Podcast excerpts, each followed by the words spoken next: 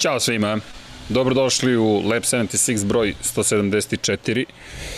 A, volio bih da započinjemo večerašnju emisiju malo drugačije, ali kao što ste primetili nema muzike. Prosto cijela ekipa Infinity Lighthouse je smatrala da ne bi bilo pristojno, pogotovo što danas u 20.59 staza Brno je rekla da zapalimo sveću za Jakoba Gureckog i još jedno dete koje smo nažalost izgubili, 16-godišnji klinac koji je prošle godine svoj kup talenata Severa je izgubio život u jednoj bizarnoj nesreći na mini moto, motociklu. Naravno, bit ćemo mi veseli tokom ovog podcasta koliko je to moguće s obzirom na činjenicu da ipak počela sezona Moto Grand Prix-a, ali govorimo o još jednom mladom životu, govorimo o nečemu što nas sve ozbiljno dotiče, tako da smo rekli da večeras nećemo ni pustiti muziku, a tačno nekako u 20.59 je Staza Brno rekla ajmo da zapalimo sveću. Pa sad mi ćemo ceo svetionik da upalimo baš u njegovu čast, nije baš minuta ćutanja i ne zamerite što ovako uz nekako tužniju atmosferu započinjemo večerašnju emisiju, ali činjenica je da su to najvažnije stvari. Sve ostalo nekako padne u drugi plan kada se desi takve nesreće.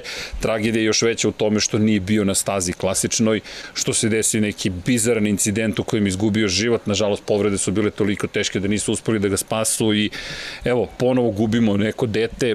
Volio bih da vam kažem da imamo i bolje vesti iz neke druge perspektive, ali iz Amerike nam takođe donosi tužna vest, Jason Aguilar je izgubio život, tako da kada pogledate prošle godine koliko dece smo izgubili, inače Aguilar izgubio život, pazite sada ovo, ovo je tek tragedija na mountain bajku u Laguna Seki.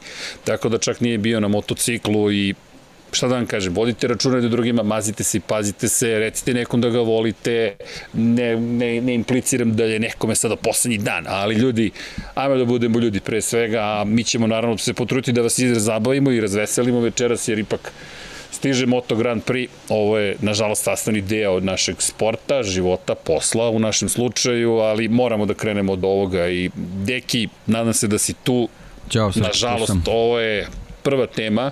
Pričali smo prošle godine posle silnih pogibija i Jasona Dupaskija i mladog Huga Milana i malog Vinjalesa koliko je neophodno nešto učiniti. Sada u sred međusezone mi izgubimo dva deteta na mini motovu i mountain bajku ne, ne znam ni šta bih rekao. Hejdena Nikija smo izgubili na motociklu, na kvadu smo izgubili Angela Nijeta, ne, Norifome AB-a takođe na motociklu, u saobraćaju, ali nekako i ti i ja smatramo svi u Infinity Lighthouse da odatle moramo da krenemo. Ja ne znam da li imaš bilo kakav komentar, ja ga zaista nemam. Mogu samo da kažem nekim je večna slava i, i da pamtimo svu tu decu, ne znam šta bih drugo rekao. Pa, mislim, teško imati neki komentar kad se takve tragedije dese, posebno momcima koji su bili onako ozbiljni, ozbiljni talenti u ovom sportu, naravno ne, ne treba razdvajati bilo koga na taj način, ali, ali obojice su bili šampioni kategorije u kojima su vozili yes. prošle godine i pred njima je zaista bila onako i blistava karijera i verovatno su i zbog tih titula ovaj, sa velikim nestrpljenjem čekali novu sezonu, ali eto, neverovatne tragedije se dese da, da, da u nekim stvarima koji su, koje su eto, na, na papiru mnogo bezazlenije od onoga čime se bave u životu i, i u stvarima koje su u stvari služile za pripremu za ono, za ono najvažnije čime se bave, eto jednostavno dođe do takih neverovatnih spletova okolnosti da, da eto tako dva, dva mlada, mlada života izgubimo, tako da ovaj, stvarno mislim ono tragedija neverovatnih razmera i sad teško je tu nešto ovaj sad i, i dodati reći i biti pametan jednostavno ono kao što si rekao jednostavno mora mora se jednostavno voditi računa o ljudima, ovaj komunicirati što je više moguće, pokazivati ljubav, nežnost, empatiju. Jednostavno empatiju, da. Jednostavno empatiju. to je to je naša poruka, nešto što ovaj čime čime ovako možda već i dosađujemo ljudima, ali jednostavno kad se ovakve stvari ide se bude bude potpuno jasno zašto se radi. Ova leta ti momci su ono stvarno svim srcem bili u u poslu u kojem su bili, znači to nije samo više ljubav, hobi, to je njima zaista posao, postao posao i, i životni poziv, ali eto i, i, i, i u takvim situacijama, eto, ovaj, otac Jason Aguilara se, se obratio, on je saopštio ovaj, tužne vesti, a takođe u istoj objavi saopštio da su, da su organi mladog Jasona ovaj, da. poklonjeni tako da ovaj donirani tako da eto na neki način će živeti u uspomeni uh, ovaj, i na taj način ćemo se sećati rezultata koje, koje je postigao taj momak. Mislim, eto, stvarno onako teške, teške situacije. Imali smo i Dani Olgada pre nekoliko dana, teško se povredio i tokom treninga. KT Majo već na drugi način mora se priprema za početak sezone, tako da stvarno onako neprijatne situacije, ali eto, to je jednostavno sastavni deo ovog sporta kojeg svi volimo i ono što piše na, na svim na svim zvaničnim dokumentima, jednostavno automotosport je opasan i moramo da živimo s tim svaki dan. Pa da, i poruka jeste zapravo malo, samo da vodimo računa da drugima empatija, saosećajnost nekako, neću da kažem da nedostaje nama, svakako ne nedostaje, a što kažeš i da smo dosadni, ja mislim da je najbolji način da budemo dosadni da pričamo o tome zapravo, jer to jeste pojenta. Ljudi smo pre svega, ovde smo da, da, da ne znam, da nema neki smisao dalje od toga da uživamo u motociklizmu, automotosportu, generalno NFL-u, životu i da se trudimo dok smo ovde da budemo što nežni. To je makar neka ideja, Tako poruka, pogotovo kada ovo kako nešto čuješ. Inače, neverovatno bi mnogo dirljivo i taj moment da je on bio donator, održavali su ga i održavaće ga u životu, telo će održati njegovu u životu, pošto je zadobio povrede glave zapravo. Aguilar je dobio povrede glave i ne, ne zamerite na detaljima, ali takav je bio pad zapravo da je on klinički mrtav, ali zapravo telo je živo, mozak nije i roditelji su odlučili da poklone organe koje god mogu da spasu što više života ili unaprede neče živote. Pa i u to ime uradite nešto pozitivno, kao i uvek što kažemo, mi ćemo poslati ponovo poruku 917 na 30 30, Human 917 na 30 30. Hvala vam svima i lepim rečima i na podršci svemu što zajedno, rekao bih, radimo od lepih stvari, evo, prošle nedelje deki da ti čestitam i celoj ekipi Infinity Lighthouse smo mi dobili priznanje da smo Ej, u top tebi, 50, tako je, da, tako je. hvala, da smo u top 50 eh, najboljih mesta na internetu, ili tako, u kategoriji YouTube podcasti, tako da, YouTube kanali zapravo, tako da, da je to, hajde, potvrda, blago rečeno, vaš, svi koji su sada sa nama, mislim da to najveća potvrda i dalje, i ono što smo i napisali, ali hvala, a iz druge perspektive, eto, kada čujemo i ovakve vesti, nešto pozitivno, to smo i napisali, to piše u opisu kanala. I kada su tužne i teške vesti, da nađemo nešto pozitivno u tome i porodica Aguilar nekako daje smisao tome i ovo što je Brno uradilo, hvala ti za tu informaciju da, da se zapali sveće 2059, tako da Odatle krećemo, naravno, preći ćemo i na one lepše teme vrlo brzo, ali činjenica je da, da je ovo tema broj 1 i zato danas nema muzike.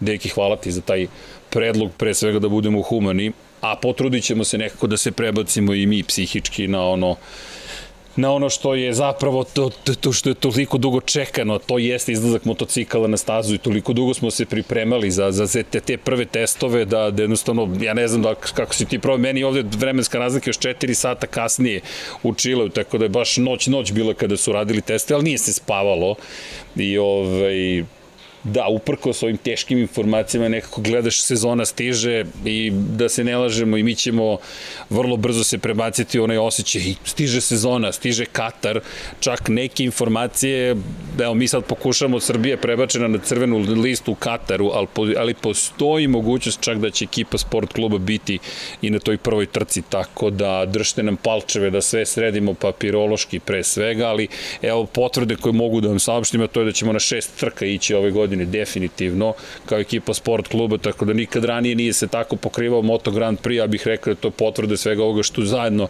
svi radimo, što sport klub, što Infinity Lighthouse, što svi koji se bave ovim, tako da eto, mi smo tu i neka spojka između svega toga, ali u svakom slučaju, eto, to su isto neke vesti koje sam danas dobio, deki, tako da nisam čak stigao ni tebi da javim, evo, dobili smo Lepe e-mail da je to, super. Da, da. jeste, to su super vesti, da je potvrđeno. Mislim, tako dobro, da eto, ono, zadrška je neophodna, ali eto, ako, ako bude Jeste. postojala mogućnost, odlično.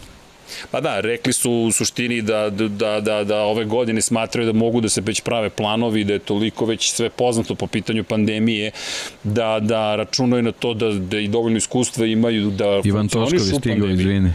O, Ivan Toškov je stigao, stigao naš pokrovitelj. I Milica je stigla, pozdrav za Milicu i ti Ivan. Ivan Toškov, Milica Čigrija, pozdrav za cijelu ekipu. Pozdrav, da, za našeg prevodioca. Inače, update, e, obećao sam e-mail, ali danas najzad smo se čuli sa štamparijom, pošto smo propustili sve rokove koji su bili predviđeni za nas, pa smo zakasnili na sva moguće mesta, svi koji su naručili knjigu Valentino Rossi.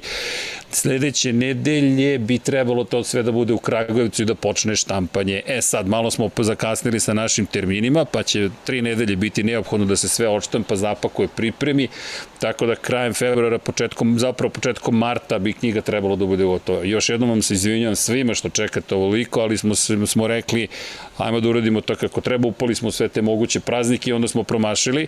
Moja odgovornost pre svega, ali eto, da, da znate šta se događa, ja vas molim za malo strpljenja samo još, citiraću sebe ponovo ili parafrazirati, kao Rossi što je sređivo M1, e tako smo mi sređivali ovaj projekat s naše strane, nešto što se desilo, nešto što je viša sila prouzrokovala ili eto, to sad već mogu da vam kažem da smo sledeće nedelje Ja se inače vraćam u petak, tako da sam za 2-3 dana, to je za 3 dana u Beogradu, Tako da, da znate, mi smo naporno radili ovako, što kažu, iz Južne Amerike i Evrope.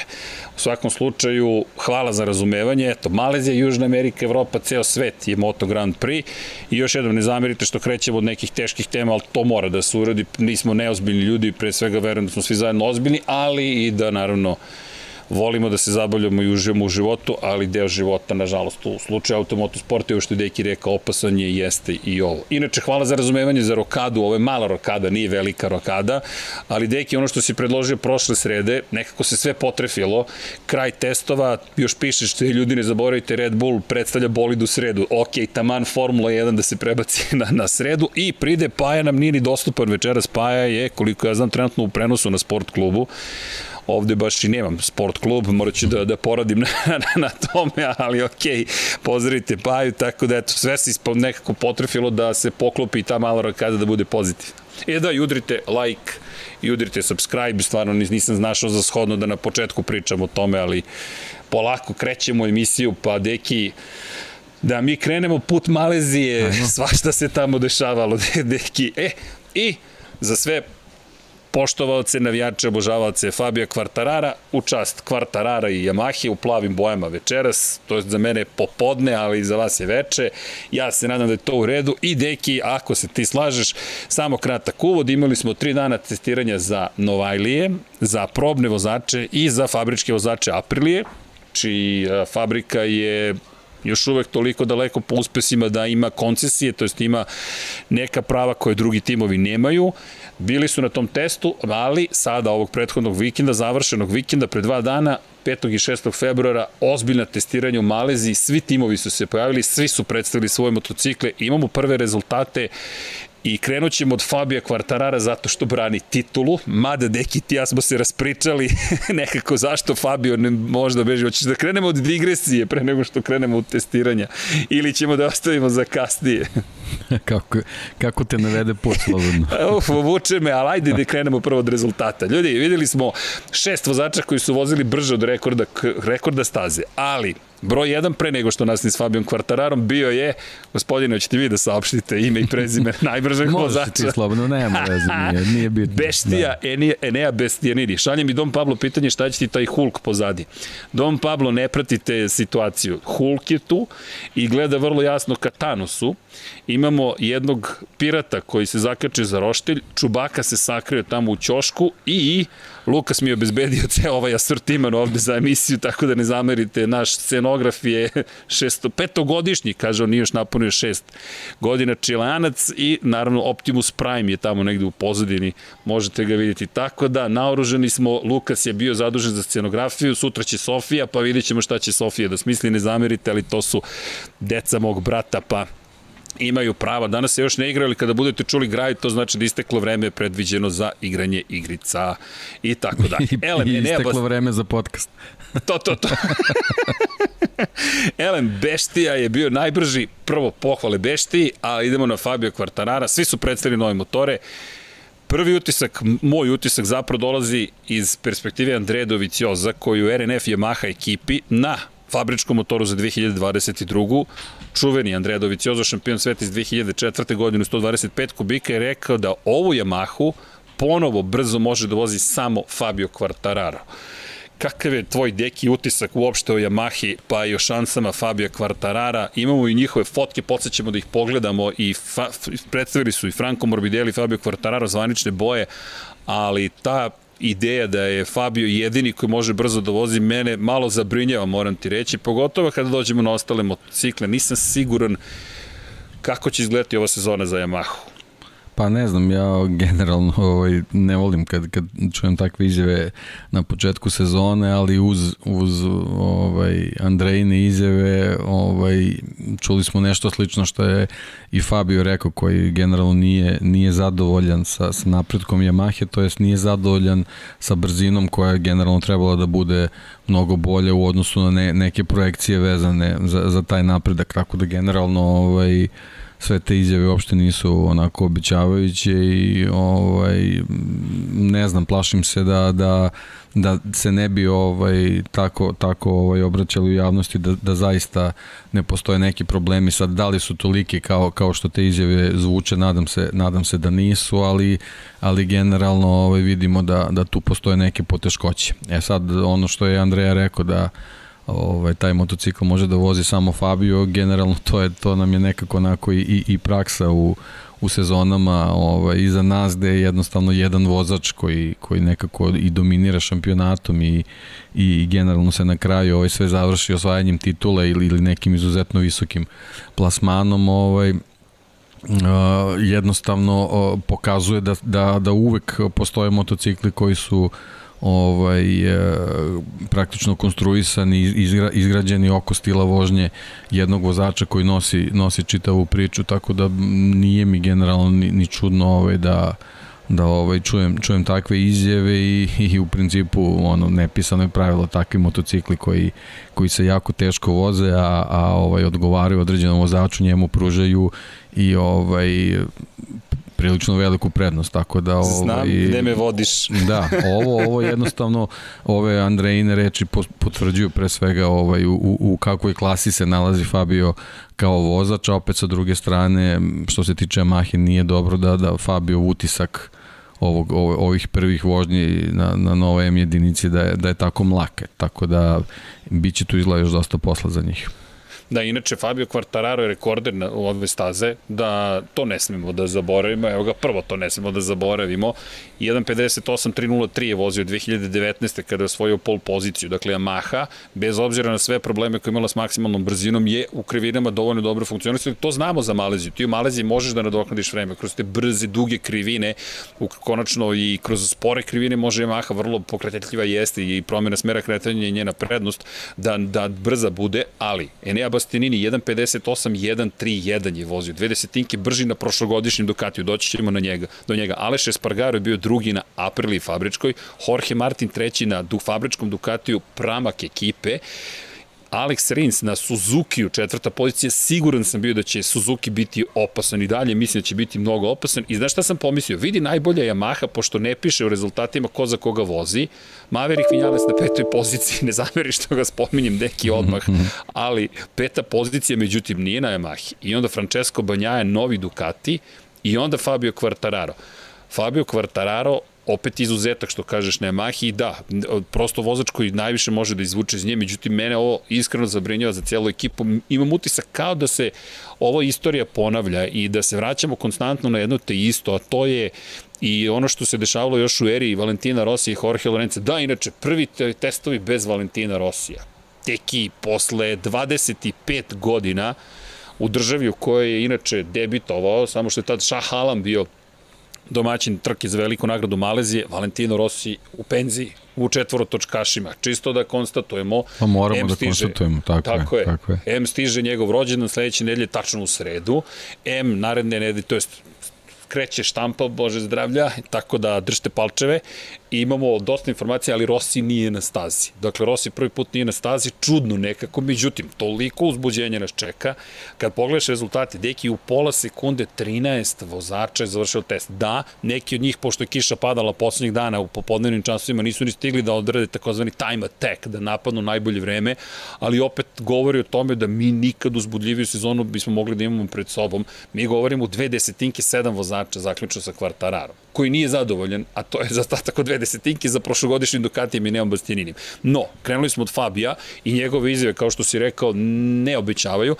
Da podsjetimo još jednom, ove godine motori sa unutrašnjim sagorevanjem su novi, to jest unapređeni, prvi put posle dve godine praktično imamo nove motore, imam utisak na osnovu maksimalnih brzina da Yamaha tu i dalje nije dovoljno napredovala. Imaćemo trodnevni sada test u Indoneziji, idemo na Mandaliku. Inače, vozači su se pitali i zašto je dvodnevni test u Maleziji, a trodnevni u Mandaliki. Složio bih se, Mandaliku niko ne pozne, pa su dobili dodatni dan, ali u suštini će oni izgubiti prvi dan da očiste stazu i da, da i uopšte razumeju. A potom će tek da pripremaju podešavanja, a ovo je staza na kojoj su toliko testirali i ima tu puno zanimljivih priča. U svakom slučaju, Kvartararo, Kvartararo, samo to da napomenemo, da je Doviciozo, meni je bio Doviciozo vrlo informativan i rekao je da što se tiče Yamahe, teško je kopirati drugi vozače za njega, pošto stil vožnje prilagođen pre svega Ducatiju, razumljivo. S druge strane, rekao je toliko je čudno, nije dobar na izlazu motocikl, i ne možeš da iskoristiš taj izlaz iz krivine da bi bio brz. Doći ćemo posle na Hondu zašto je to važno, a s druge strane ne može da bude konkurentan jer koliko god da ima dobrih stvari na motociklu da bi te ste ih koristili kao Fabio na kočenju i u sredini krivine morate potpuno drugačije da vozite nego što, što ste navikli.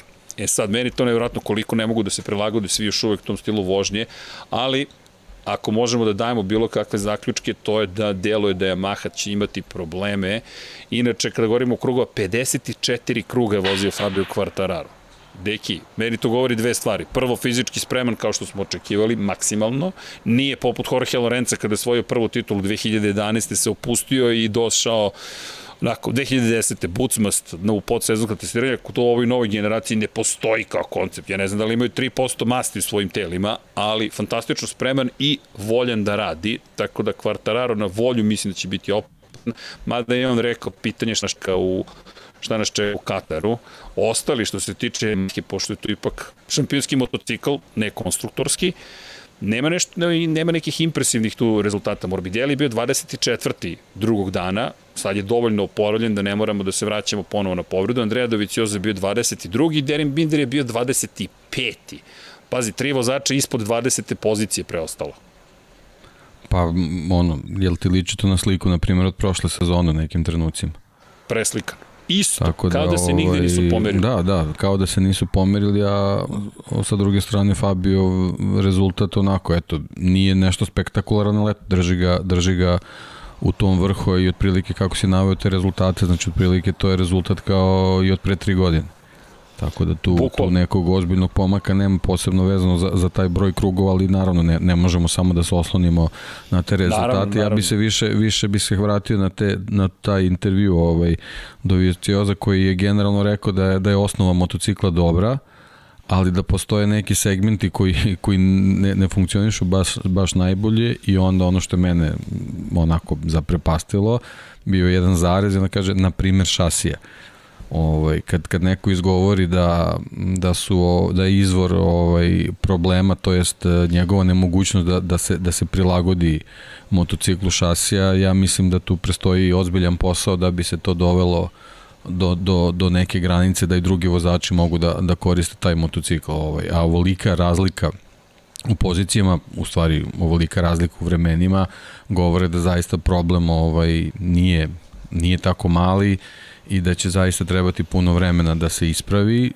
nepovoljna okolnost, kao što si naveo, ti testuju mandalici ovaj, i to zaista ne razumem zašto ovaj, u ovoj čitovoj situaciji sa, sa ovim problemima oko pandemije i putovanja, zašto jednostavno nisu ovaj, ostali u, u Maleziji i, i, i završili testove. Možda tu postoje neki, neki drugi problemi, ali uh, ovaj, mislim da je možda da bi možda svrsishodnije bilo da, da u ovoj situaciji sa, sa, sa pričom oko, oko novih motocikla, pre svega oko novih agregata, da bi bilo mnogo bolje da to rade na stazi koju poznaju.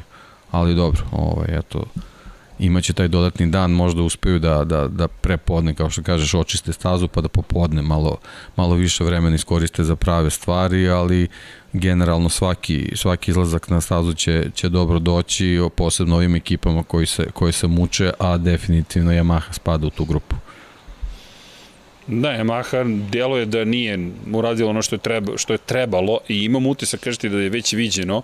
Mi o ovom problemu s Yamahom govorimo Pa koliko mene sećanje služi, dakle, od onih šampionskih slavnih dana kada su se baš borili, pa zaključno sa, ajde, 2000 15. godinom, posle toga kreće sunovrat sa pojavom Mišelina, problemi sa prednjim krajem pre svega, pa posle problemi toga što zapravo ni ne znaju više šta im je problem, nemogućnost Rosije da zagreje zadnju gumu ili je pregreje i cela situacija u kojoj u jednoj trci su neverovatni, u sledećoj nisi, deluje kao da je status quo tamo. Bukvalo kao da je status quo i ukoliko navijate za Yamahu Fabio Quartarara, mislim da vas čeka s jedne strane dobra sezona, jer Quartararo mislim da će da pokaže da je zaista pravi šampion i da će da izlači ponovo nemogući iz tog motocikla. Gledam do neklika Franco Morbidelli, ali sad već počinjem da brinem što se tiče Franka Morbidelli. Ovo postaje nekako tendencija da odskoči pa padne, odskoči pa padne, odskoči pa padne, sad je pao, međutim oporavio se, operacija je bila pre skoro jedne godine, sada već pre smo u februaru, uskoro u martu, on se operisao prošlog leta, mi ćemo uskoro ući u proleće na severnoj polu lopti, mislim da Faran Morbidelli mora da podigne nivo. I još jedan problem, Karl Kračlu koji je produžio ugovor, takođe nije bio među vodećih 20, bio je 13. prvog dana, popravi vreme drugog dana, ali ni blizu onoga što je neophodno. Tako da sam zaboravio petu Yamahu Kala Kračla koji opet nije bio dovoljno brz. No, možemo da se prebacimo mi dalje. Zašto? Zato što ima puno toga što treba da prođemo, ali Fabio Quartararo prvo čestitke još jednom za osvojenu titulu, počinje odbrana njegove titule, upravo je počela, s druge strane... Da, ne znam, izvini, ne znam samo da li si video, ovaj, išle, su, išle su slike ovaj, sa promocije dok si, dok si Nisam pričao. video, vrtela sam. Da, vrtele su se slike tako da je okej. Okay. Da, izvini, ali... Okay, e, znaš šta mi lepo Mislim, izgleda? izgleda onako, stvarno izgleda spektakularno motocikl. Izgleda moćno. Ovim, ovim bojama nekako se zaokružila, zaokružila se priča, sve su Yamaha onako prešlo neke te crne, crne tonove kao da ovaj, yes. žele, žele da ovaj, uzvrate udarac, ali očigledno će morati mnogo da rade na tome da, da, ovaj, da, da zadrže priključak sa vrhom. E, znaš šta mene oduševilo? Ako pogledaš Morbidellijev motocikl, ta fotografija, pogotovo Morbidelli, mada i kod kvartarana, ali nekako ova zelena boja njegovog broja. Jeste, jeste uklapa se. Uklapa, uklapa se, da. A ima još jedna stvar. Obrati pažnju kad bude njegov frontalno prikazan Morbidellijev motocikl, O, ovo je ta fotografija. Šta je mene oduševilo? Prednje ostanjanje. Obrati pažnju na prednju viljušku. Ovaj zlatna boja, koliko moćno izgleda na ovom motociklu. Zaista baš izgleda dobro. Ok, svi su oni predivnici za motocikli. Ne vidim neku suštinsku razliku iskreno u aerodinamici. Ima tu promena, ali da, nekako, nekako kao da su stidljivo krenuli u promene, nisu baš da. odlučili da, da bilo šta radikalizuje na ovom motociklu, onako, zaista onako na prvi pogled, naravno, deluje ovaj, kao, kao evolucija prošlogodišnje, ni, ništa revolucionarno, ništa što bi ot, otišlo u neke ekstremne forme, tako da ovaj, očigledno da to u ovom trenutku nije dobar recept. Da, da, pa kako se pripremaju ostale fabrike? Pazi, ajde, hajde ovako, znam da je Vinjales, ali čekaj, Aprilija koja je, koja je među najbržima, i Aleš Espargaro i Maverick Vinjales, neko je napravio šalu na Twitteru, danas, ko ne veruje u dan koji se dogodio upravo, a to je Aprilija, zašto imamo najveću maksimalnu brzinu i zašto smo među vodećih pet u Moto Grand Prix? Pri čemu je Vinjales rekao da još uvijek nije potpuno prilagodio svoj stil vožnje motociklu. Rekao je ne smeta motocikl, motocikl nije problem, ni već moj stil vožnje još uvek nisam prilagodio onome što je neophodno za ovaj motor. Prvo, priznanje da zamisli on je kriv za nešto, to je prvo šokantno, a potom možda i vest da je zapravo počeo da sarađuje sa nekim ko je pomogao Fernando Alonso da osvoji titulu. Meni je to zanimljivo. Fabricio Magan, Maganci koji je u vremenu sa Renaultom kada je Alonso bio sarađivao sa Fernandom Alonso je sada angažovan da bude trener i ne samo to, Aprilia je formirala poseban tim koji će raditi na psihičkoj snazi Maverika Vinjalesa ne bili mu omogućilo da iskoristi svoj potencijal. Mislim da je na pravom putu u smislu da je to ono čime treba da se bave. Njegova fizička pripremljenost mislim da nije problematična. Čovjek ima teretanu u kući i uvijek je bio spreman, ali psihička snaga i to ono što je zanimljivo. Prvo njegovo priznanje da je do njega i drugo da je rekao moramo da radimo na tome. O meni stidljivo daje neku nadu. Ajde da se, da, da, se, da završim na tome i još uz ove rezultate, znam rano je da tumačimo i deki, oni su bili brži od rekorda staze.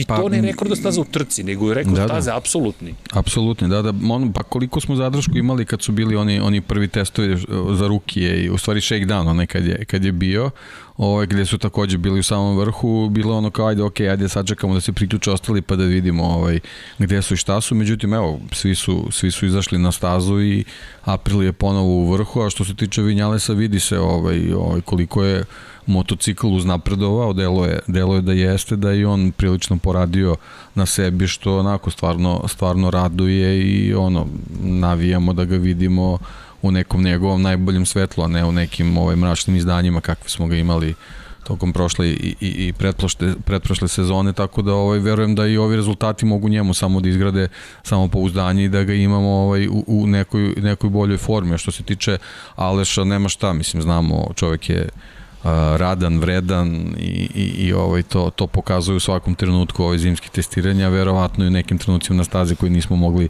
ni da vidimo, niti da. su zabeleženi. To nekako sve u zbiru eto, pokazuje da ovaj, koliko Aprilija je dobro u tom pogledu. Mene posebno ako oduševljava onaj prednji deo, onaj viljuška, kako onako sve spakovano i, i zakamuflirano, kako su tu neki ti aerododaci onako prilično dobro uklopljeni i ono što se vidi na ovim novim crnim motociklima sa ovim negativima, negativima vidi se da, da se tu ozbiljna ekipa i sponsor okupila u čitavu priču, tako da, Jest. da Yamaha definitivno ume dobro da, da, da proda ovaj svoj, o, Aprilije može ovaj, da, da, Aprilije može ovaj, mnogo dobro da proda svoj nastup i deluje da će to onako stvarno biti jedan ozbiljan paket za, za sledeću sezonu. E sad, samo ne znam da li će nam Mandalika doneti u nekom trenutku neku onako, neke otvorene karte da, da tu vidimo ovaj, nekako, neku komparaciju vremena, ali, ali mislim da i ovo što smo mogli da vidimo kroz, kroz ove testove na Sepangu ovaj, pokazuju da, da možemo da imamo Apriliju u nekoj možda i boljoj poziciji nego što smo imali prošle sezone.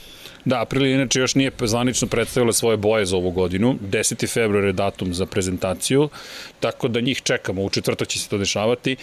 Oni su tim koji su najkasnije ostavili svoju prezentaciju. Suzuki je takođe predstavio, doći ćemo do Suzuki-a, ali kao što si lepo rekao, mnogo sponzora, Massimo Rivola koji je prešao iz Ferrarije pre nekoliko godina, izvršni direktor, čini mi se da slaže kockice, da je slagalica sve bolje i bolja. Sviđa mi se što je zadržao Lorenza Savadorija, Savadori izgleda dobro probni vozač. S druge strane, Vinjales u ukoliko sredi psihičko stanje i svoju snagu psihičku, može biti vrlo, vrlo dobro pojačanje za tu ekipu, da ostanem na tome. Inače, to je sad fabrički tim da to ne smemo da zaboravimo, mm. a to je da, da, e da, i to, to je promena ove godine. Više neće biti u šampionatu nezavisnih timova. Ranije su kao tim Gresini zapravo, pravilo je u Moto Grand Prix ne može fabrika tek tako da uđe u šampionat sveta i dopada mi se pravilo. Mora da provede, koliko se sećam, moram da proverim, najmanje dve godine sa privatnom ekipom da bi mogla da uđe u šampionat, jer licencu za nastup imaju privatnici. Na taj način Moto Grand Prix se trudi da ne budu ugašene privatne ekipe, već da fabrika, na primjer sutra Kawasaki kada bi hteo da uđe, ne kažem da hoće, ali bi bilo lepo, da hoće da uđe, bi morao zapravo da se da sarađuje sa nekom privatnom ekipom da bi dobio svoje mesto na startnom poredku. I April je to uradila sa Gresinijem, dve godine obično nije, nisu dovoljne da biste napravili sve ono što želite i posle, čini se, četiri godine saradnje, moram da proverim, ne zamerite, su se razišli. Kresini je sada s Ducatin kao privatna ekipa, a Aprilia ima potpuno nov fabrički tim i nekoliko stvari. Učestvovaće u borbi timova, dakle, fabričkih i druga stvar, koncesije zadržava, bez obzira što je fabrički tim, dok ne ostvari dovoljno dobre rezultate. E sad, Rivola mi je tu bitan, zato što mislim da ovo što si rekao, on postavlja strukturu, poznaje iz Ferrari, iz Formule 1, sada dovodi čoveka iz Formule 1, inače, sarađivao je i sa Pastorom Donadom, nije sarađivao samo sa Fernandom Lonsom, radio sa Felipeom Masom i čini mi se da je to veza zapravo, da je veza zapravo sa Masom i Ferrarijem odakle Maganci dolazi. To je Rivola koji ga predstavio pre svega kao Alonsovog trenera, što bi sve marketing neki, svi ostali vozači su zaboravljeni, što je okej okay, s jedne strane, ipak je to Fernando Alonso, ali Maganci je neko koji je radio puno u Formuli 1, tako da je to zanimljivo, meni makar zanimljivo i ovo sa sponsorima deluje da Aprilia na dobrom putu, ajde da, da to opet stanemo tu negde.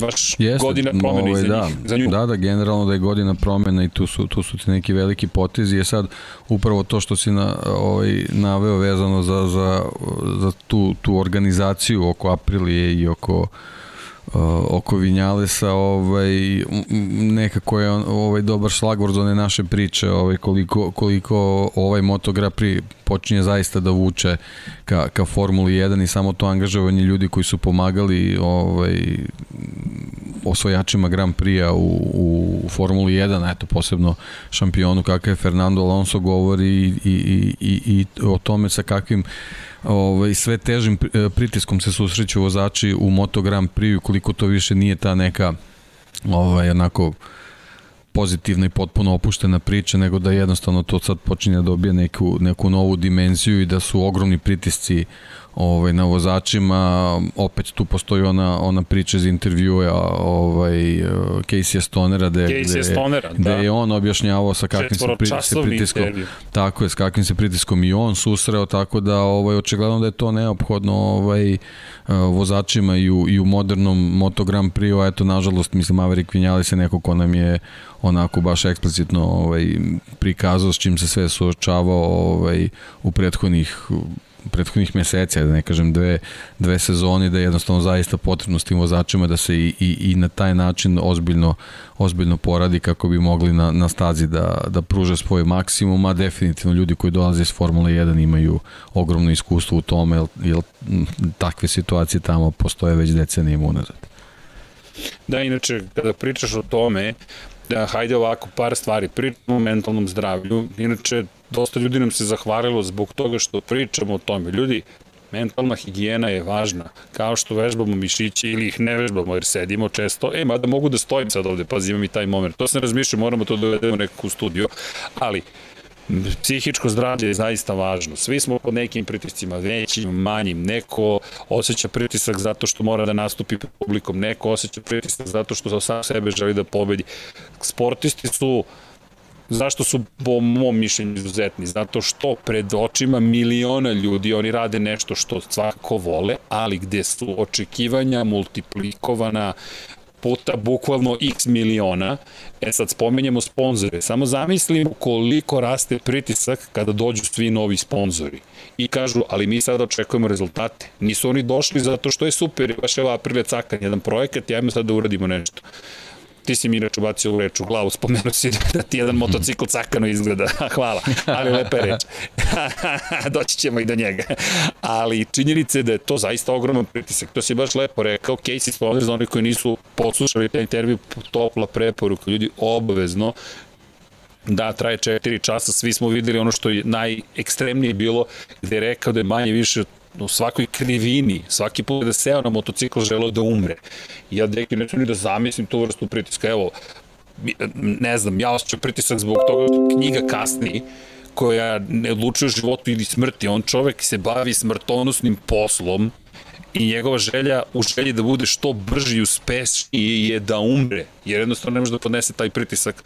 Pričao je sto ponekada i više ljudi bi bilo u domaćinstvu i svi hoće se ruku i sa tobom potpišeš i on čovek koji je zatvoren, jednostavno introvertan, zastrašujuće. A kao što si rekao, Vinjales nam je to pokazao na stazi, jer ti moraš zaista da posrneš da bi pokušao da uništiš motocikl svog poslodavca, od da banalizujem situaciju, to je motor s kojim ti treba se boriti za titulu šampiona sveta.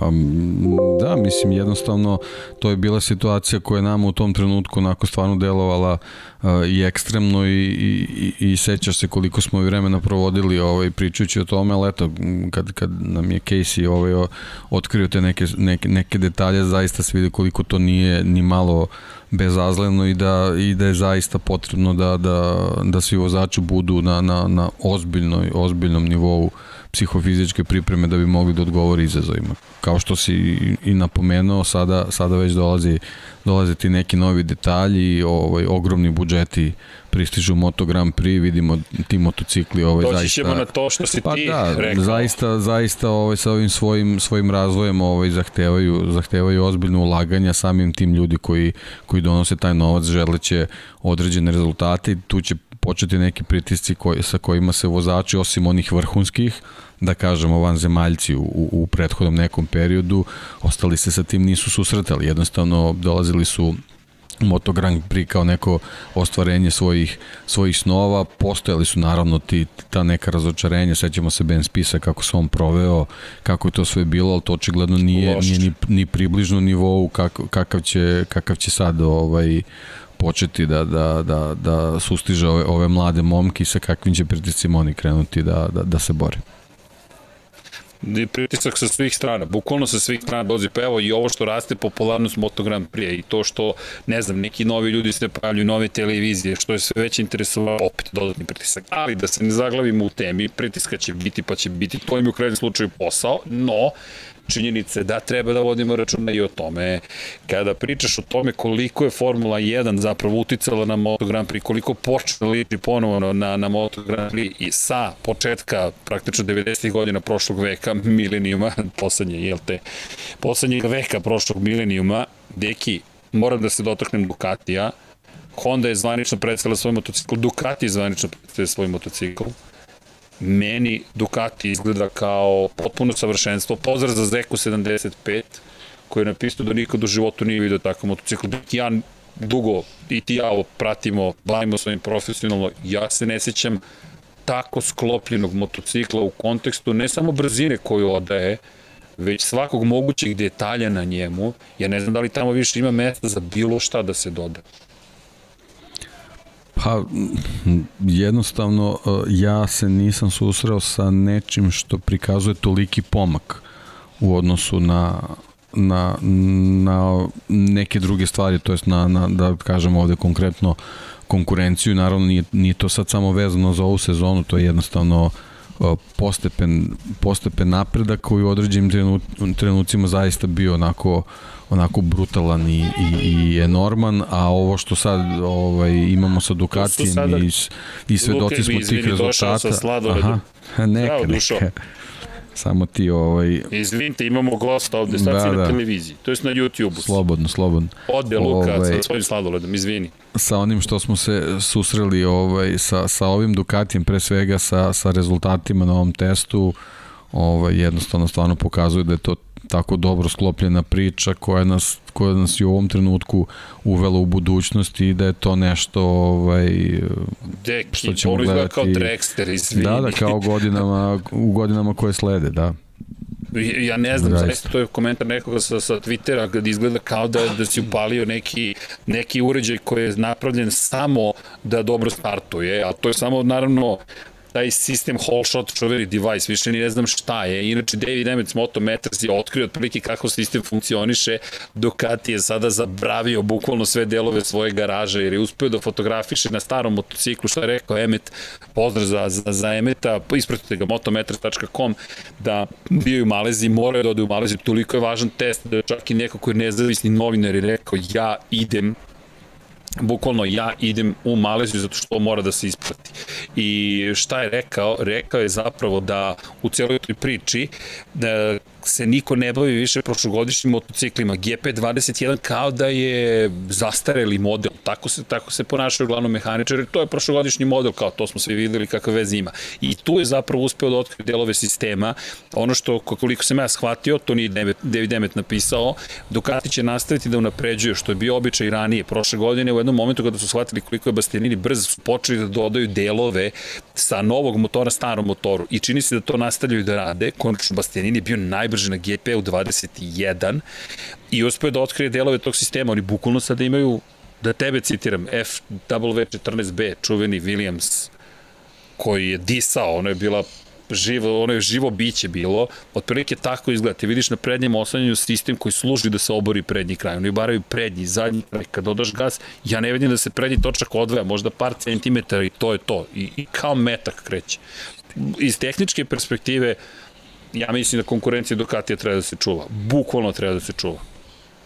Pa već smo ovaj u finišu prošle sezone, posebno kroz, kroz izdanje Peka Banaja videli kako to izgleda, ovo što imamo ovaj, ove sezone, a svi smo svedoci tih rezultata, ovaj, što kroz ta vremena Bastianinija na, na starom motociklu, što kroz ove neke nove uh, nove detalje na, na novom, pritom uveren sam da, da nismo još dobili ovaj kompletan potencijal uh, GP22, vidjet ćemo, ovaj, analizirat ćemo i ono što smo videli na, na, na motociklima Pramaka, jednostavno mislim da posebno na, na, ovaj, na početku sezone da ćemo imati ovaj, brutalan Ducati koji će ostalim u stvari pokazati u kom smeru trebaju da se kreću i koliko u stvari zaostaju ili, ili drže korak, tako da to će biti u stvari pravo merilo, ali mislim da ćemo imati onako jednu spektakularnu sezonu iz ugla italijanske ekipe. Meni ovo obećava, ali znaš šta je još? Vratit ću se do temu pritiska. Ako sad ne osvoje titulu, kada će? Bukvalno, kada ćeš da osvojiš titulu, jer pazi, Ducati već godinama pravi dobre motocikle jednostavno konstantno pravi dobre motocikle i nema šampiona sveta. Jedini, jedan jedini šampion sveta i dan danas ostaje Casey Stoner. 2007. godine. 15 godina od kada je osvojio čovek titulu. I, I oni prave konstantno sve bolji i bolji motocikl.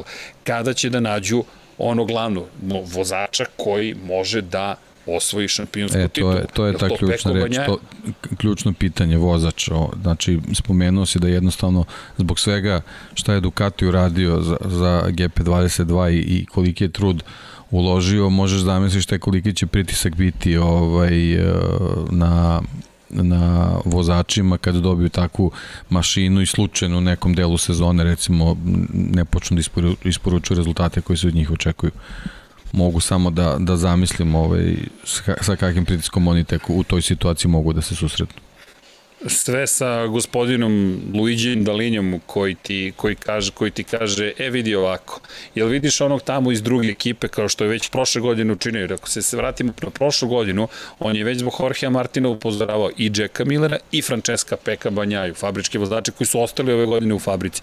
I jedan i drugi su puni optimizma, žele uspešnu sezonu, Jack Miller kaže da mora da se bolje fokusira, da tu ima posla oko pogotovo priprema za samu trku i itd. itd. Ali to su stvari rečenice koje smo čuli već milion puta. Pri čemu četiri Ducati GP22 ostaju, imamo Martina, imamo Zarka, imamo u celoj priči naravno Millera i Banjaju i sada dodaje na sve to Luku Marinija koz koji Ajde sačekamo, pa ćemo da vidimo kako će biti Marini, međutim, mislim da Bastianini će biti sad novi veliki pritisak. Zajedno sa Martinom, Zarka bih ipak spustio za lestvicu malo, jer još uvijek nema pobedu, ako se promeni super, ali uz Bastianinija, koji je već u formi, deki, ovo je tek druga godina njegova, ali, ali čovjek izgledao kao da će probiti granicu 1.58 u Malezi. Niko još nije pa, vozio ispod pazi, on je, on je, to, on je to izjavio.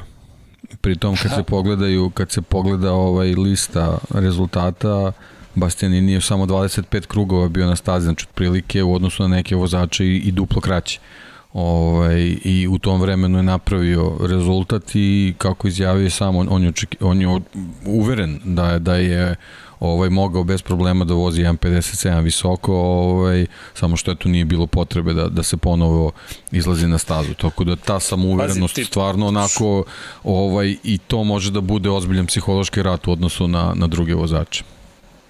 Bastianini koji je takođe imao dosta krugova, dakle nije Bastianini samo zabeležio jednog 44 kruga prvog dana, bio da, da, četvrti da. za Rinsa, Vinjalesa i Spargara, drugog dana 25 ujutru trebalo još da ih vozi popodne, ali deki, to je već, mi govorimo o, odradio jednu trku pre podne, ti u Maleziji ne voziš više od 25 krugova, ti jednostavno, to je to i ti imaš mogućnost da napreduješ dalje i kao što si rekao, ti kontrolišeš situaciju, ti znaš da još imaš u zalihama, mene to plaše. Ono što mi je super, šta je moj problem sa Enem Bastininim još uvek, nije se još uvek, jel te, zavrtelo kolo, ali do sada su najbolji rezultati došli samo na jednoj stazi, u Mizanu. Dakle, to je ono što poznaje najbolje od svih, praktično se rodio na toj stazi i ovo mi daje potvrdu da na stazi koju nismo posetili dve godine, ti dođeš, dakle, ovo je njegov prvi susret sa Moto Grand Prix motociklom i Sepangom, ti budeš ovoliko brzo.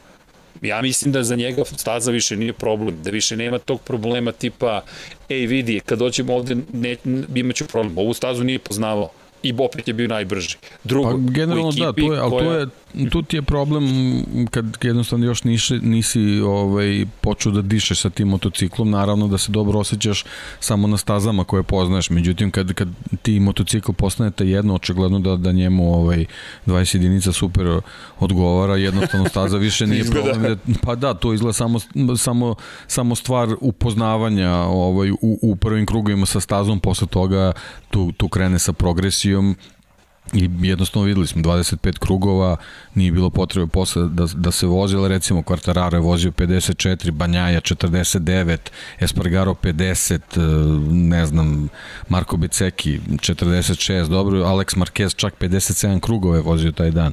Tako da ovaj kad nemaš potrebu očigledno da da nešto uradiš to je jednostavno ovaj uh, vuče na, na neku na neku samouvernost i tebe ekipe. Mislim naravno njemu je njemu je ekipi DJ koji ono ono ipak je ruki i sve, al on je sekundu bio brži od njega, tako da ovaj jednostavno Mada pohvala iz Novajlije nisu bile loše. Apsolutno, apsolutno. Mislim ovo je ovo je njihovo vreme i moraju da ga iskoriste maksimalno kako bi se što bolje spremili za sezonu da da se tu ta razlika što više smanji. Ovaj tako da sve sve to stoji, sve to ulazi u taj rok službe, al kažem jednostavno te izjave ona kao ja sam sigurno mogao ispod 1.58, samo nije bilo potrebe, zaista zvuče onako obećavajuće. Meni izma mi osmeh na lice, iskreno, Naravno. zato pa razloga. Prvo ti, Dakle, tvoja, hajde da kažemo, pa jeste, tvoje, tvoje da. simpatije prema Enei Bastinu. Nisam da simpatije, profesionalno. Znaš kako, kako kome, kome ja šaljem energiju izgleda ovaj može dobro da prođe.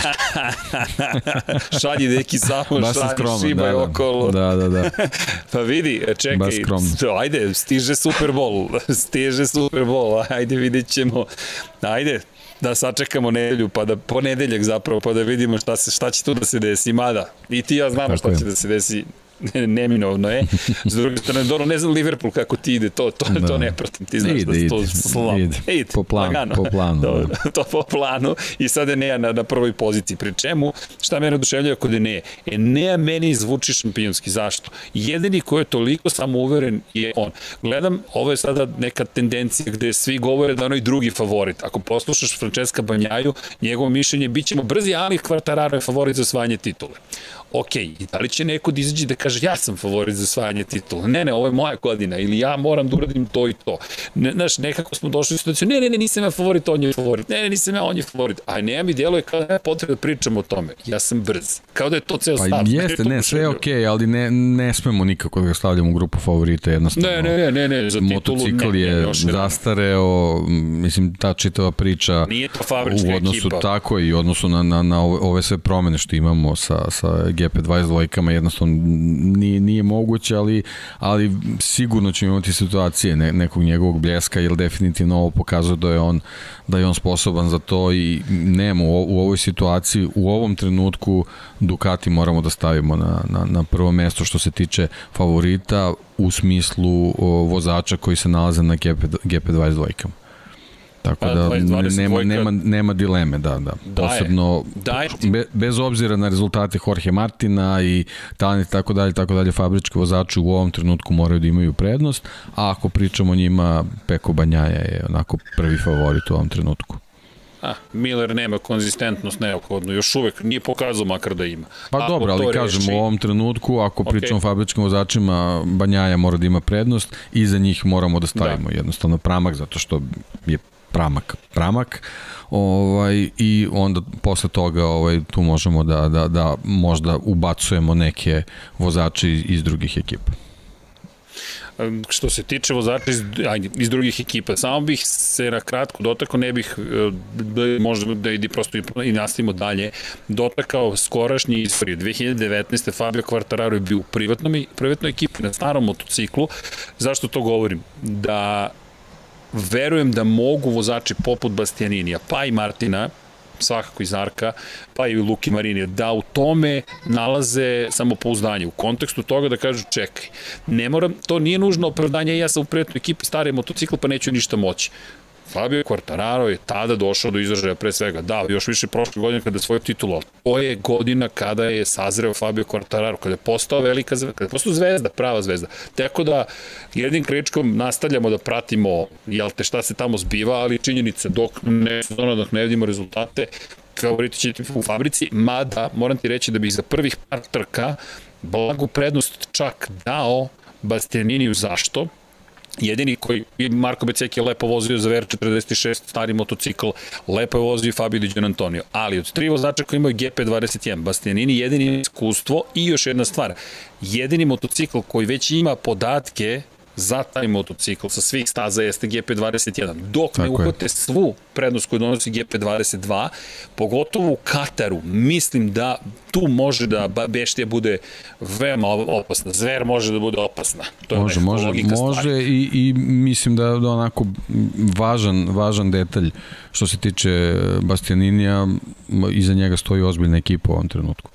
Tako da ekipe Jest. sa iskustvom i, i sa, sa motivacijom mislim da se da se tu da, poklapaju. Deluju tako kućno, da, da, da, da, da, imaju, da, da mislim imaju imaju svoja adut. Energiji. Da. Apsolutno, da. apsolutno ali pratit ćemo ih. U svakom slučaju Ducati, ono što je predstavio još na kraju prošle godine, nije se mnogo promenilo ono što se ne vidi, kažu da se mnogo promenilo, to je motor, saznaćemo svi u Kataru. Ako smo prošle godine pričali o 360 km na čas koliko je Zarko išao, ne se ne zamislim šta ćemo imati ove godine, tako da jedva čekam da ih vidim, pa i u Mandaliki. No, idemo dalje. Znaš koga bih se dotakao, iako Suzuki zajedno s Joanom Mirom i Alex Tomlinson zaslužuje, ne možemo da ne spomenemo Honda, to je moje mišljenje nekoliko razloga. Prvo, to je Repsol Honda. To je to je D ekipa, to je ta ekipa u Moto Grand Prix. Drugo, Možemo, možda pre Honda, ajde čisto možda da zaokružimo priču Dobro. sa Ducatijom i moramo, moramo malo više pažnje da posvetimo pramaku. Ovaj Ok, prezentovali ga smo čisto, ga prošle da, čisto pa da sam kao, pomislio da, možda da, da, da. ali jesmo prezentovali da ja smo da boje, da ali generalno ovaj čitava priča oko oko pramaka i one one fotografije prednjeg dela koji je kao kao zakucan ovaj u odnosu na, na, na, na, na neke fotografije da vidimo kao, kako, kako je ta viljuška, kako viljuška može da bude opuštena i kako se nalazi u tom spuštenom položaju, ovaj, stvarno meni, meni kao, kao, da je, mm, kao da je bolje setovan čitav sistem u odnosu na, na fabričku ekipu. I bar ono što sam ja video nekoliko snimaka probe starta, Jorge Martin delo je fantastično, no, mnogo bolje koristi potencijal tog sistema od svih vozača Ducatija. Bar mi tako izgleda i deluje mi to, to, to što si rekao, te, te neke prve trke, ako Enea možda ima ne, neke prednosti ovaj, na, na, na tim stazama na početku, mi će, mislim da će Jorge na svim stazama koji imaju dugačak startni pravac ovaj, jednostavno ono, ne, neće imati premca, to smo videli prošle godine kako ume dobro da koristi te situacije. Da, vidi, Martin, setimo se početka prošle godine u Kataru. Tako on je, je bio na pobedničkom postolju čovek. On je, on je pustio Zarka manje više da, da ga pobedi. To i rekao, ne u toliko reči, ali bilo jasno. Rekao je Zarko treba se boriti za titulu ove godine. Samim tim, ja nisam hteo da napadnem klubskog kolegu. To se ne radi, o, popio sam brkove. Ili si to svanje stavio mene kada, kada nestane slika. Hvala ti. Hvala ti. Hvala, još kad bih mo... dobro, da, da, ovde svežije malo izgledam, ali dobro. U svakom slučaju, e, ovde je super, inače, temperatura je preko 30 danas, danas je onako, ozbiljno vruć dan, tako da je zabavno. Elem, da se mi vratim na, na ovo što si rekao. Da, Martin, vidi, znaš koliko volim pramak. Jedno sam čekao da zabeleže prvu pobedu, on je istorijska ličnost u pramaku, to ne smemo da zaboravimo, jer on je bukvalno kao što je za Teh 3 Miguel Olivira taj čovek, on je doneo prvu pobedu teh tri ekipe posle 20 godina. Pričamo o 20 godina. Mi pričamo o tome da je pre 20 godina, prošle godine, 19 godina, bilo postojanje zapravo pramaka i da je tamo neki klinac Jorge Martin njima doneo pobedu. Vidi, ako će nekog da vole, to će da bude Jorge Martin. Ne kažem da ne vole Zarka, ali vidi, kad ti neko donese prvu pobedu u istoriji sve tvoje ekipe, cenim da to znači. Tako da Martin ono što smo videli u teretani, ono što smo videli na prezentaciji, ono što smo videli na stazi, ono što smo videli u garaži, delo je kao da da, da će hteti, opet, vraća se na tvoje reči, fabrički tim ima prednost, ali da će on hteti svima jasno da stavi do znanja. Ja sam taj, e pa možda Martin još ima taj stav, ajde, izostavio sam ga jer nekako sam ostao u prošloj nedelji kad smo pričali o Pramaku, a stav je ja sam taj. Ja sam Ajkula ovde u ovom moru. Da, i kažem, ovaj, eto, u tim nekim situacijama pokazalo se da, da se možda, možda Pramak i bolje snalazi od fabričke ekipe u pripremi za, za određenu trku, tako da možda tu mogu da, da, da traže i svoju prednost i meni su zaista kroz, kroz ono što sam mogao da vidim ovaj, iz Malezije stvarno stvarno deluju mnogo ozbiljno i da, da su se zaista ovaj ozbiljno naoštrili da se maksimalno pripreme za početak sezone. Vidi, Ducati, kažem, ako sad ne osvoji titulu, ja ne znam šta oni moraju više da urade. Ja zaista ne znam šta oni više moraju da urade. Jer ovo je prosto ta godina, ti si sve uložio, sav novac si uložio, svu reputaciju, da povećaš broj motora, da dovedeš sve moguće vozače kvalitetne, da napriš najbolji de facto motocikl i to je to. Ja ne bih dalje ništa zaključivao kod Ducati, moraju da osvoje titul. Bukvalno je toliko jednostavno. Da, ali ono što si hteo malo pre da, ali, da, da započneš ali, i, drugi, i drugi se tu pitaju.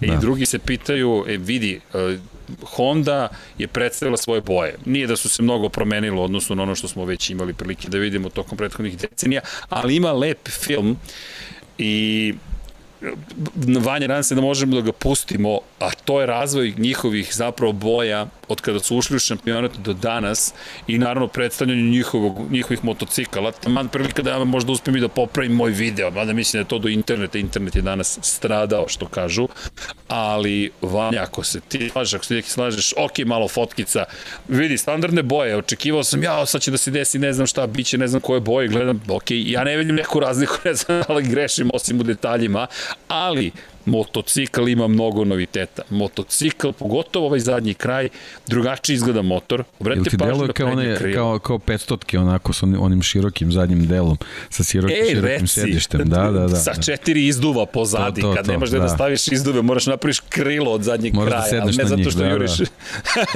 da. bukvalno. Da, da, bukvalno tako izgleda. Moćno izgleda. Nema ovde motocikla više koji izgleda moćno. Ovo su sve high-tech mašine. Ovo je, ovo je zastrašujuće. Mi pričamo pričamo o, o krugovima ispod 1.58. Deki, ispod 1.58, pa i ovaj motocikl prednji kraj, brate pažu, airbox koliko je manji, drugo, krila koliko su povijena u napred. Inače, ovom motociklu se najviše priča, zato što je ovo najveća promjena posle prvo, najveća promjena od svih motocikala desila se na motoru koji je najmanje menjan poslednjih 10 godina. I kada pogledamo, kada bukvalno kada pogledamo šta su zapravo tamo pripremili, ovo je jedan ozbiljan period. Vrlo ozbiljan period za Honda. Zašto? Jednostavno je. Prvi put kada je Mark Marquez u Brici, oni su napre motocikl koji zapravo možda neće odgovarati samo Marku Markezu. I kada kažem to, nisu oni krenuli toga da pravi motocikl koji odgovara samo Marku Markezu, već kada je stigao 2000 do svoju titulu u prvom pokušaju, su rekli od tog momenta šta god da traži mi to radi. Podobne povrede su dovele do toga da su sada rekli, ok, hajde da pokušamo da napravimo motocikl koji će odgovarati i drugima i zadnji kraj je postao sada fokus razvoja ovog motora. Za one koji eventualno ne znaju, jedna od najčih prednosti Marka Markeza je način na koji kontroliše prednji kraj motocikla, način na koji ulazi u krivine. Ulaz u krivine je uvijek bio neverovatan. Zadnja točka kao da mu nije potrebno, kao da vozi monocikl, uglavnom se podigne zadnji kraj, osim što naravno koristi kočenje motorom, i onda za, kroz taj ulaz i način koji zanosi motocikl, izlači kasnije se na izlasku iz krivine, ali izlaz iz krivine nije bio najvažniji. Ulaz je bio najvažniji za Marka Markeza. To sada ne postoji i rekao je motocikl se ponaša drugačije, moram još da ga razumem, ali su ostala trojica vozača, Takaki Nakagamin je rođeni brat Marka Markeza, Alex Marquez i Pole Spargaro mnogo optimističniji. Pa, znaš kako, sad opet možemo da se vratimo na ovoj priču o Yamahi, ali i nekoj prethodnoj priči o Hondama. Uvek smo imali jednog vozača koji je, koji je dominirao ovaj, u vožnji sa nekim šampionskim motociklom. Ovo očigledno nije usmereno na, na, na tu stranu, ali e, sa druge strane moramo da imamo zadršku, mi u stvari u ovom trenutku ne znamo šta je prava tehnika Marka Markeza. Definitivno sve povrede s kojima se suočavao u, u, u poslednje dve sezone su sigurno ostavile traga, mislim mnogo puta smo to spominjali, ne moramo da se ponavljamo, jednostavno e, neka, neka, neka fizička ograničenja će verovatno dovesti do toga da on mora malo i da, da prilagodi tehniku, tako da, da moguće da će, da će motocikli s kojima se lakše upravlja u određenom segmentu njemu ovaj da odgovaraju, a verujem da će sa, sa vremenom i upoznavanjem sa, sa motociklom doći do toga da on neke situacije e, okrene na tu neku ekstremnu stranu, da, da to bude u stvari motocikl koji će moći da se vozi samo na način kako, kako on upravlja njime, ali jednostavno moramo da ostavimo da, da vreme malo prođe da bismo videli na koju stranu će će to da krene. Sa druge strane, uh, uh, sviđa mi se ovaj otklon koji je, koji je Honda napravila zato što uh, sa ovim motociklom uh, dobijamo taj, taj sukob te, te dve škole, te dve filozofije uh, trkačkog motocikla. S jedne strane imamo, imamo taj robustni i, i moćni Ducati, a sa druge strane imamo Hondu koji je u ovom izdanju, ako se slažeš, meni deluje mnogo prefinjenije.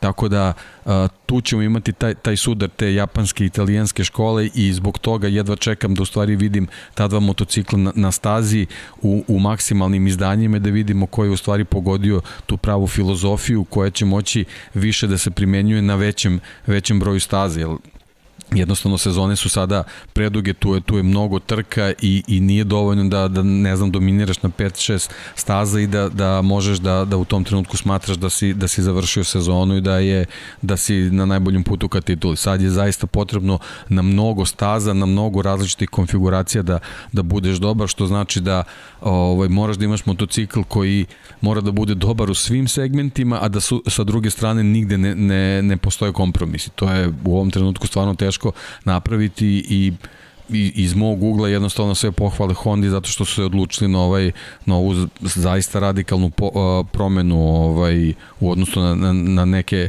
neke prethodne sezone, a u sama samo to tehničko unapređenje koje definitivno će postojati, a, a morat ćemo to da vidimo tokom sezone u, u čemu će se sve sagledati. Ja moram da pohvalim ovaj, pre svega ovaj dizajn motocikla, jer, iako deluje nekako uobičajeno, identično, meni, meni je u nekim segmentima stvarno drugačiji, malo, malo mi vuče na tu retro priču tih nekih šampionskih godina Repsol Honda, čak i pre Mark Markeza, tako da možda to najavljuje neku, neku novu budućnost i neku novu perspektivu.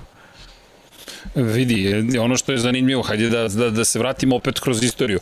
Promene se pravile, svi kažu, ja sad će sve da bude drugačije, najbrži opet ostanu najbrži i nekako uvek se ostanu najbrži. Honda, iako kažu da najmanje bi trebalo da, da izlači prednosti onoga što donosi Mark Marquez svojim stilom vožnje, najbrži vozač je bio Mark Marquez, 1.58.332. Mi govorimo o osmoplasiranom vozaču, on je bio 19.000 tinki spored Fabio Quartarara a vozio je 49 krugova, pri čemu nije još fizički dovoljno pripremljen rekao, ljudi u teretani niti bilo koje vežbe ne mogu da mi omogući korišćenje mišića koje koristim prilikom vožnje Moto Grand Prix motocikla. Jednostavno to ne postoji trener, trenažer za Moto Grand Prix koji će savršeno simulira sve. I sad, Marquez je došao, rekli su je to nije baš idealan motocikl za njega, on je opet bio najbrži Hondin vozač. I sad, da se, da, da, da se samo kratko vratim na ovo što si ti spominjao, a to jeste zapravo lepota ovog motora, nisam se lepo izrazio, hvala ti na tome. Kada govorimo o promenama u bojama suštinskih nema, to je taj Repsol. Ali da, izgleda, da te citiram ako smem, cakano. I stvarno izgleda kao neka šećerlema. Pa ne, zaista izgleda kao kao ne znam, to su milijunke, kao milijun da si uzeo kolačić i kažeš e to je to, super, tako izgleda. A to je brutalna mašina. Mi kada, kada pogledamo, Honda je navodno napravila potpuno nov motor. S druge strane, promenila je šasiju, e, krila, zašto su važna za napomenu? Prednja krila, ako možemo baciti pogled na fotografiju vanje, to bi bilo super da iskoristimo fotke koje imamo. Pogotovo prednji kraj kada pogledamo, Ok, Mark Marquez, čekamo da vidimo kako je njegova desna ruka. O, sad možemo da zaustavimo, zaustavio ovde sekund samo, ovo što je Deki govorio. Ako pogledaš i ugao pod kojim stoji zapravo rep, je, je nek, meni se čini da je zapravo ugao veći. Ako pogledamo prednji kraj, naravno nećemo sve otkriti ovde, pogotovo ne u prezentacionim fotkama, ali kada pogledamo prednji kraj, krila, e ovo je super fotka. Pogledaj krila, iako su ih staklili ovde malo crnom bojom. Izgleda, zaista izgleda prelepo motocikl, samo da sada napomene. I imam utisak da su stvorili japansku zastavu, ako pogledaš ovaj polu, polu krug crveni ispod da, Da, da, da, i, i deluje mi, pazi, deluje mi da je Repsol mnogo, mnogo zastupljeni kao reklama. Jel ti deluje da je veći? Znamo, kako, u ovom svetu svi znamo, niko ništa ne dobija na poklon, tako da očigledno da, da, da je i sa te strane stigao vetru leđa. Da, da, deluje da, da, da prosto imaju podršku, Repsol je produženo još dve godine, to je sponzorstvo koje traje, sponzorstvo, to je saradnja koja traje 25 godina, mi govorimo vrlo, e, ovo je, na primjer, HRC, ako vratiš Vanja Honda Racing, novi logotip, to mi smo pričali, novi logotip je tu, HRC Honda Racing se promenio, jeste to Honda Racing Corporation, ali HRC je sada Honda Racing. I šta se desilo? Desilo se zapravo, objedinjeni su inače Formula 1 Moto Grand Prix za one koji ne prate Formulu 1, ekipa u Sakuri će nastaviti zapravo da proizvodi motore za Red Bull koji sutra prezentuje svoju Formulu 1, ali oni sada postaju deo jednog trkačkog praktično tima, da, evo, pre evo, čemu ovde, Moto ovde Grand Prix je glavni. da, evo, sve piše. da. E, znaš šta me podsjetio znak zapravo? Više me podsjetio na boje koje su u Turskoj imali prošle godine u Red Bullu. To je trebalo da bude velika nagrada Japana, bila je velika nagrada Turske. Da, da. Ali me podsjetio na te boje i nekako taj japanski moment kao da se vraća. Inače, Takaki i Nakagami, čekamo da vidimo njega kada pričamo o japanskim momentima. 13. je bio poslednjeg dana takmičenja u pola sekunde ušao. On je poslednji koji je bio u pola sekunde. On je isto bio zadovoljan. Inače, Alex Marquez je rekao za prednji kraj Honda da se ponaša drugačije. Nije rekao, nije ni bolje ni lošije, moraju ranije da koče. Znaš ko mislim da bi bio srećan ovom Hondom? Jorge Lorenzo. Mislim da bi njemu ovo i tekako prijalo, jer deluje da tim ranijim kočenjem zapravo moraju da prenesu veću brzinu na ulazku u krivinu i generalno da održavaju brzinu više kroz, kroz krivinu. To je utisak koji se stiče. Poslednji put kada su kada je Honda imala baš ozbiljne probleme bilo je 2015. kada su i poslednji put do povrede Marka Markeza pretrpeli poraz, kada su se mučili što sa kočenjem motorom, što sa generalno motorom koji je bio preagresivan i onda su vozili hibrid kombinacije 2015. 2014. 14. kada je 10 pobjeda za redom imao Mark Marquez, nevjerovatna sezona, 13 pobjeda te godine čovjek imao, ali to je poslednji put da su imali probleme koje nije mogao vozač da reši. Mi sada imamo vozača da za koga ne znamo šta može da reši koliko može. Da, tu je, osmi je, 49 krugova drugog dana, prvog dana je bilo još više, Mark Marquez 62 kruga, vozio je 65 krugova u Portugalu, delo je spremno iz te perspektive, ali ostaje taj znak pitanja šta može Mark Marquez. I sad pod pitanje, Da li ti deluju Pole Spargaro, Alex Marquez ili Takaki Nakagami kao ljudi koji mogu da se bore sa Fabijom Kvartararom, pre svega kao braniocem titulu? Pa, ono, svaka čast svakome, ali jednostavno u, u Hondi mora na prvo mesto da se stavi Mark Marquez i, i mislim sam time ovaj, o, rekao odgovorio. mislim, da, odgovorio, ova trojica stvarno moraju mnogo, mnogo da, da porade na, na, na sebi, da mnogo, mnogo napreduju da bi, ovaj, da bi dostigli njegov nivo, on, on jednostavno i prošle sezone pokazao. Kad je Iole spreman ovaj, šta, šta može da uradi sa, sa tim motociklom, tako da verujem i da, da, da sa ovim neće biti ništa drugačije. Ne znamo još u, u principu te, te prave potencijale, iz njihovih izjava nismo mogli da, da, da, da ni da na, naslutimo da li, da li je ovo, ovo pravi put koji su, koji su i oni očekivali, ali jednostavno ja eto, samo se nadam da, da, da, da možemo da dobijemo ono, ono što nam je potrebno u Moto Grand Prix, a to je, a to je sudar i ozbiljna borba dve, dve filozofije, italijanske i japanske, pa eto, nek, nek, nek na jednoj strani budu Ducati, naravno navijam da bude Aprilia, da sa druge strane to pre svega budu Honda i Yamaha kao eto, nek, neke institucije koje su generalno nosile i i u prošlosti čitavu priču vezanu za, za, za Moto Grand Prix, tako da u ovom trenutku što se tiče Hondinih vozača prednost je i uvek će biti na, na, na strani Marka Markeza, je sad on, jednostavno to nije, nije Mark Marquez kojeg smo imali pre povrede i nisam siguran da možemo da, da dobijemo neku, neku dominaciju, mislim da i on svestan da je jako daleko od, od, od te, te situacije. Ovaj, povrede ramena će sigurno ostaviti ovaj traga, a verujem i da, da je taj vid jednostavno ovaj postoje postojeće neka neka ograničenja koje mu možda u nekim trenucima neće neće dozvoljavati da da da vozi kako je to nekad radio, a i u Maleziji smo međutim videli ono prvog dana njegovog izlaska na stazu, on je bio vozač koji je najviše puta pao. Tako da jednostavno on je on je nepopravljiv čovek, u svakom trenutku će tražiti limite, tako da, da, da taj njegov stav, ako, ako ga zadrži, a definitivno ga, da ga ima u ovom trenutku, da će samo pomoći u stvari Hondi da, da, da taj motocikl postavi na, na, na najbolju moguću poziciju, a onda naravno u odnosu na ostale ćemo videti gde, gde je to mesto. Ja se samo nadam da, da će to biti sam vrh, da dobijemo taj duel Ducati i Honda. Ne vidiš duel Yamahe nikako u toj priči. Pa ne, ne Yamahe koliko Fabio Quartararo. Ok, ok, ne okay. Da, da, kao, kao da što smo u jednom trenutku imali, imali Mira sa Suzuki. Znači, to nije bila priča o Suzuki, to je bila priča o e. Miru, e. tako da mislim da ovo je već, već nekoliko sezona nazad, to nije priča o Yamahi, nego Fabio Quartararo.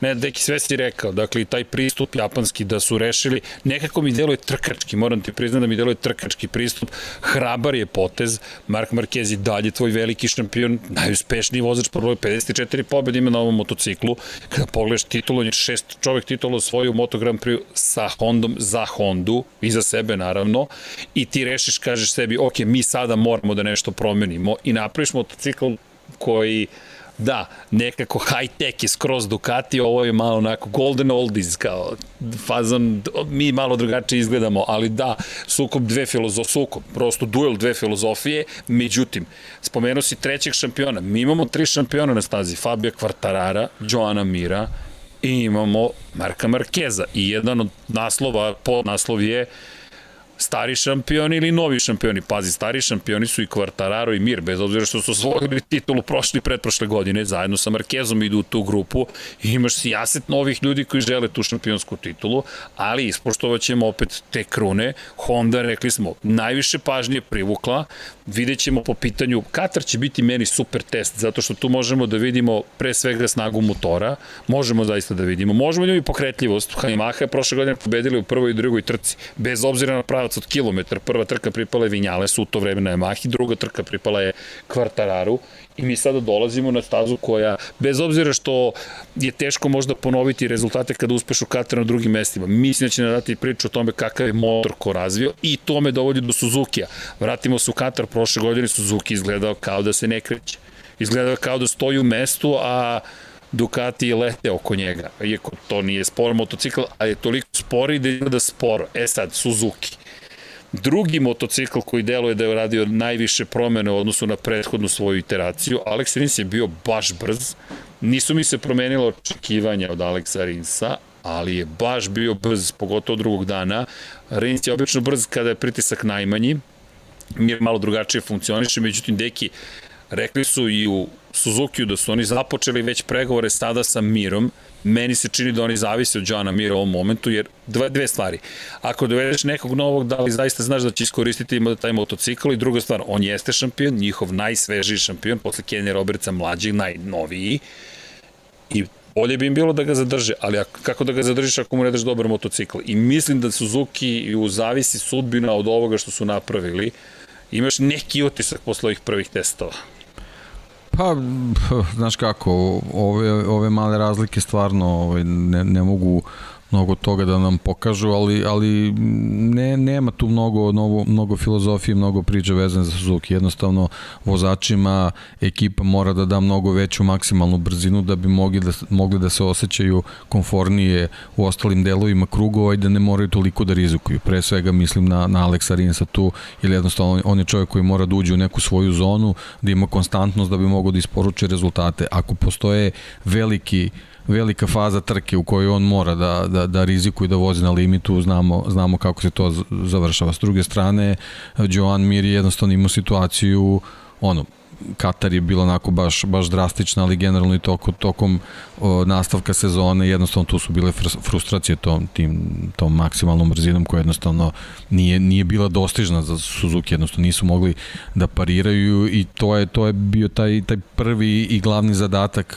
vezano za, za, za čitavu priču sa novim motociklom je da, da, da dobije mnogo više snagi i da jednostavno ta maksimalna brzina bude nešto što, što više ne mora da, da se iščekuje kao, kao, kao ne znam ne, neko čudo nego da jednostavno to postane potpuno normalna stvar. Da li su uspeli u tome sad ne znam mislim na, na tabelama se vidi da, da ta neka brzina postoji ali zaista mislim to u ovom trenutku stvarno je teško teško potvrditi da je, da je zaista da je zaista tako, tako da ne verujem da, da motivacija kod vozača nedostaje. Mir je prošlu sezonu završio kao treći, što je, što je po meni odličan rezultat s obzirom kakva im je čitava situacija bila i ono što je možda i najvažnije, ako, ako su to uspeli da, da prenesu ovaj, u, u novu sezonu, oni su jako rano počeli da pripremaju motocikl za, za 22. tako da trebali bi da, da, da ovaj, ako je ono na papiru, ako se to gleda da, da su u dobroj startnoj poziciji. Vidimo da je to neki miks, ako pričamo sad o nekim filozofijama,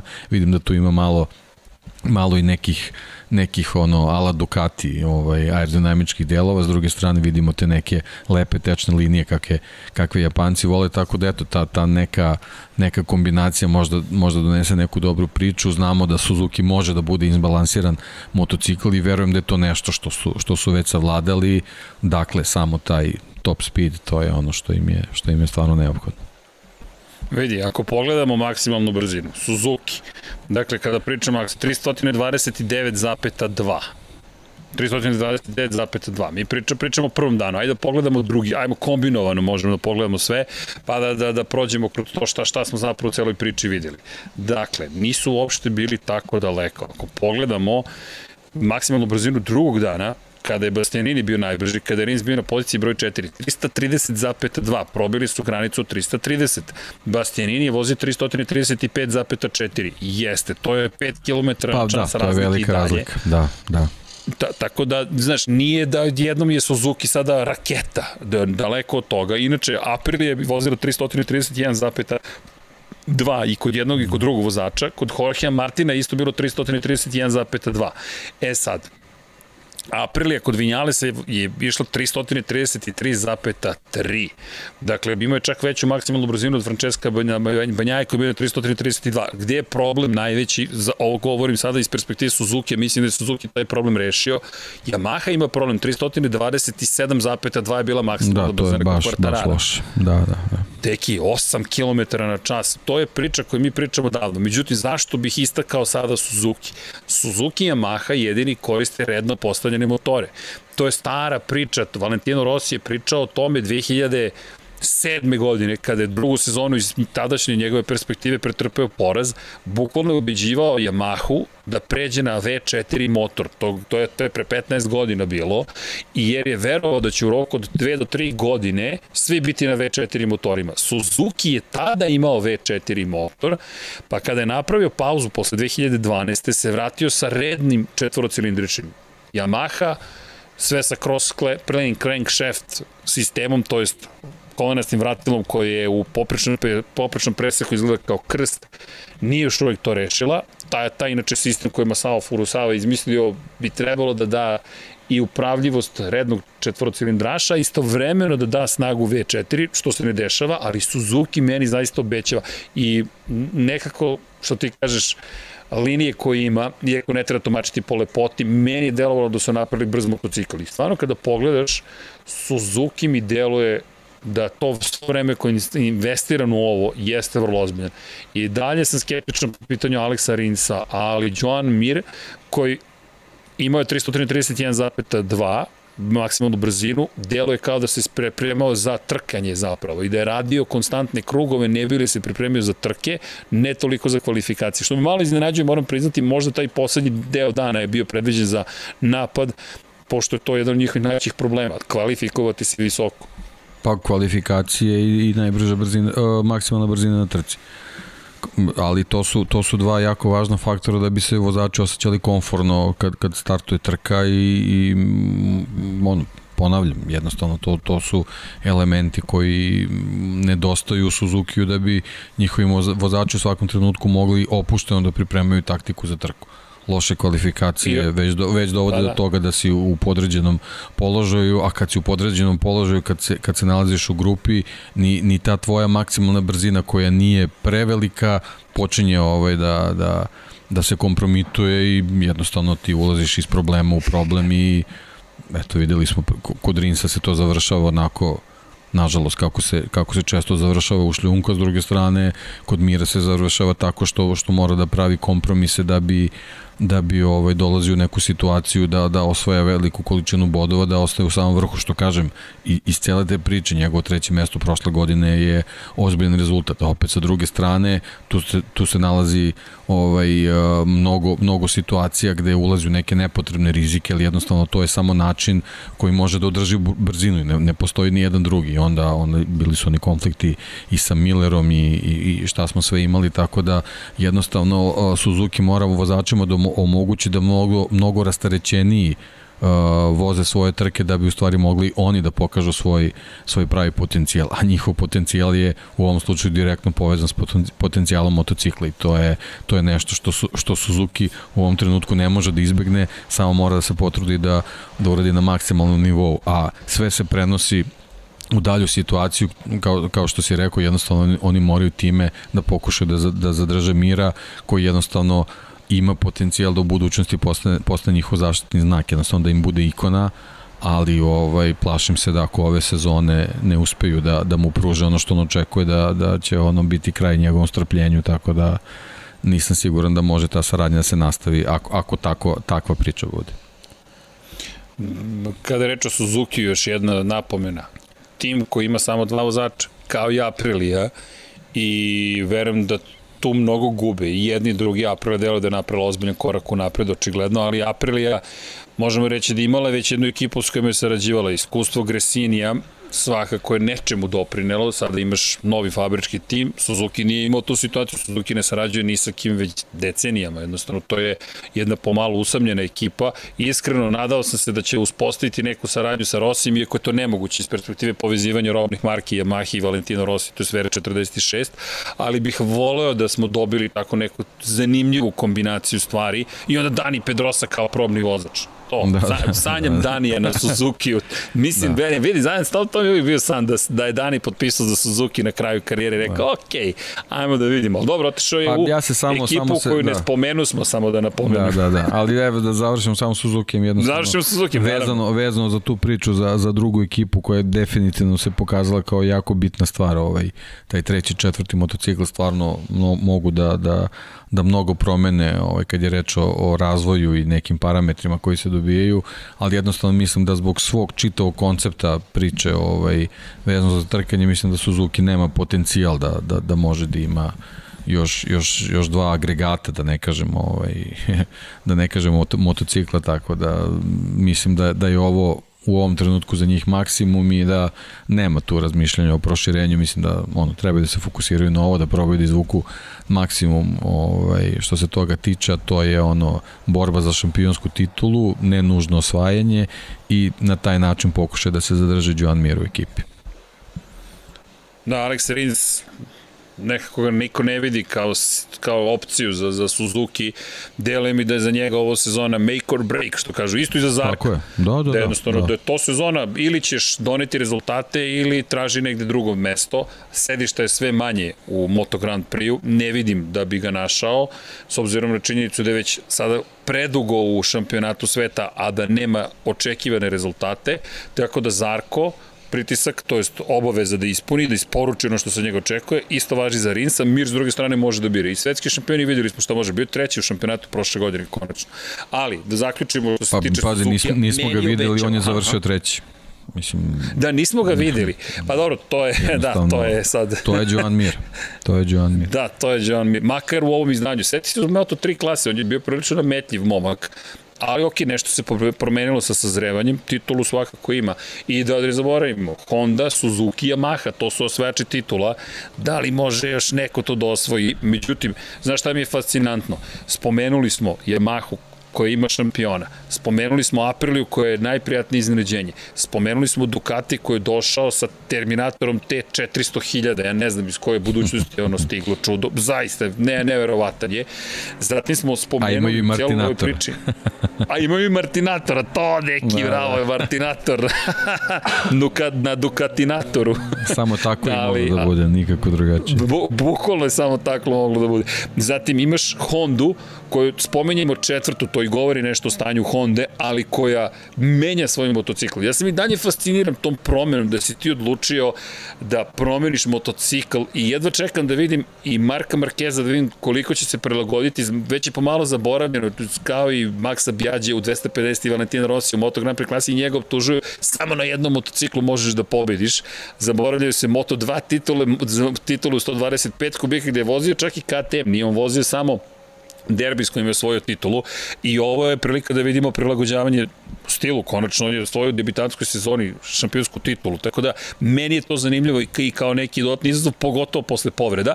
Spomenu smo Suzuki koji je menjao motor s unutrašnjim sagorevanjem, gde imamo jednu zanimljivu priču, i koga uopšte, makar ja, opet nigde ne vidim nikakvu emociju osim jednog momka nismo dobili kada je reč o KTM-u i tu bih istakao Raula Fernandeza, nažalost povredio se Remy Gardner u predsezoni, polomio ruku čovek, tako da je imao puno posla da uopšte se oporavi, ali KTM, deki, deluje mi kao Yamaha, samo što je to mnogo veći problem za KTM. Yamaha ima švedskog šampiona, KTM nevidljiv, bukvalno nevidljiv, ponovo.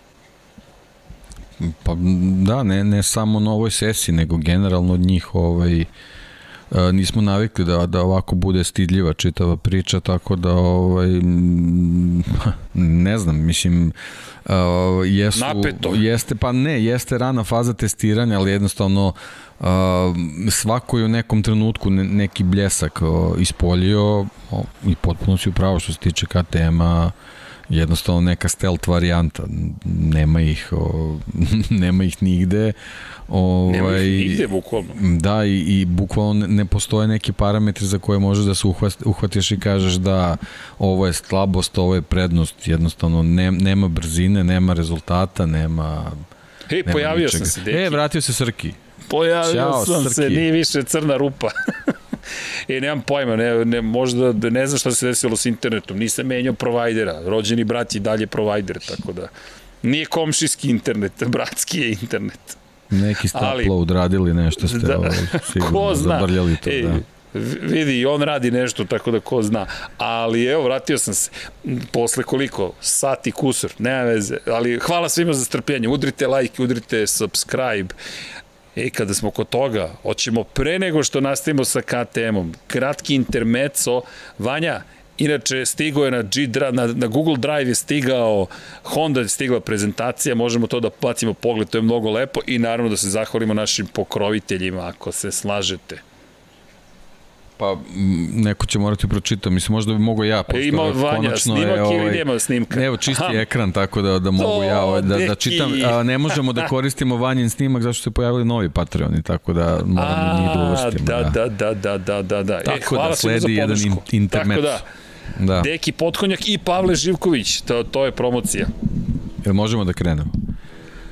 Dakle, pokrovitelji, Infinity Lighthouse Sava, Toni Ruščić, Mario Vidović, Ivan Toškov, Stefan Dulić, Marko Bogavac, Ozren Prpić, Marko Mostarac, Nikola Grujičić, Aleksa Vuče, Zoltan Mezej, Zoran Šalamun, Miloš Banduka, Laslo Boroš, Đorđe Radojević, Ivan Simeunović, Mihajlo Krgović, Nena Divić, Nikola Božinović, Monika Erceg, Omer Kovačević, Filip Banovački, Miroslav Vučinić, Predrag Simić, Žorž, Stefan Vidić, Mlađan Antić, Jelena Mak, Mladen Krstić, Marko Ćurčić, Milan Nešković, Ivan Maksimović, Bojan Mijatović, Petar Elić, Stefan Prijević, Nenad Simić, Luka Saović, Andri Božo, Boris Gvozden, Boris Golubar, Zorana Vidić, Luka Manitašević, Ljubo Đurović, Borko Božunović, Đorđe Andrić, Aleksandar Gošić, Mirjana Živković, Nemanja Miloradović, Miloš Vuletić, Vukašin Vučenović, Ognjan Marinković, Miroslav Cvetić, Marina Mihajlović, Veselin Vukićević,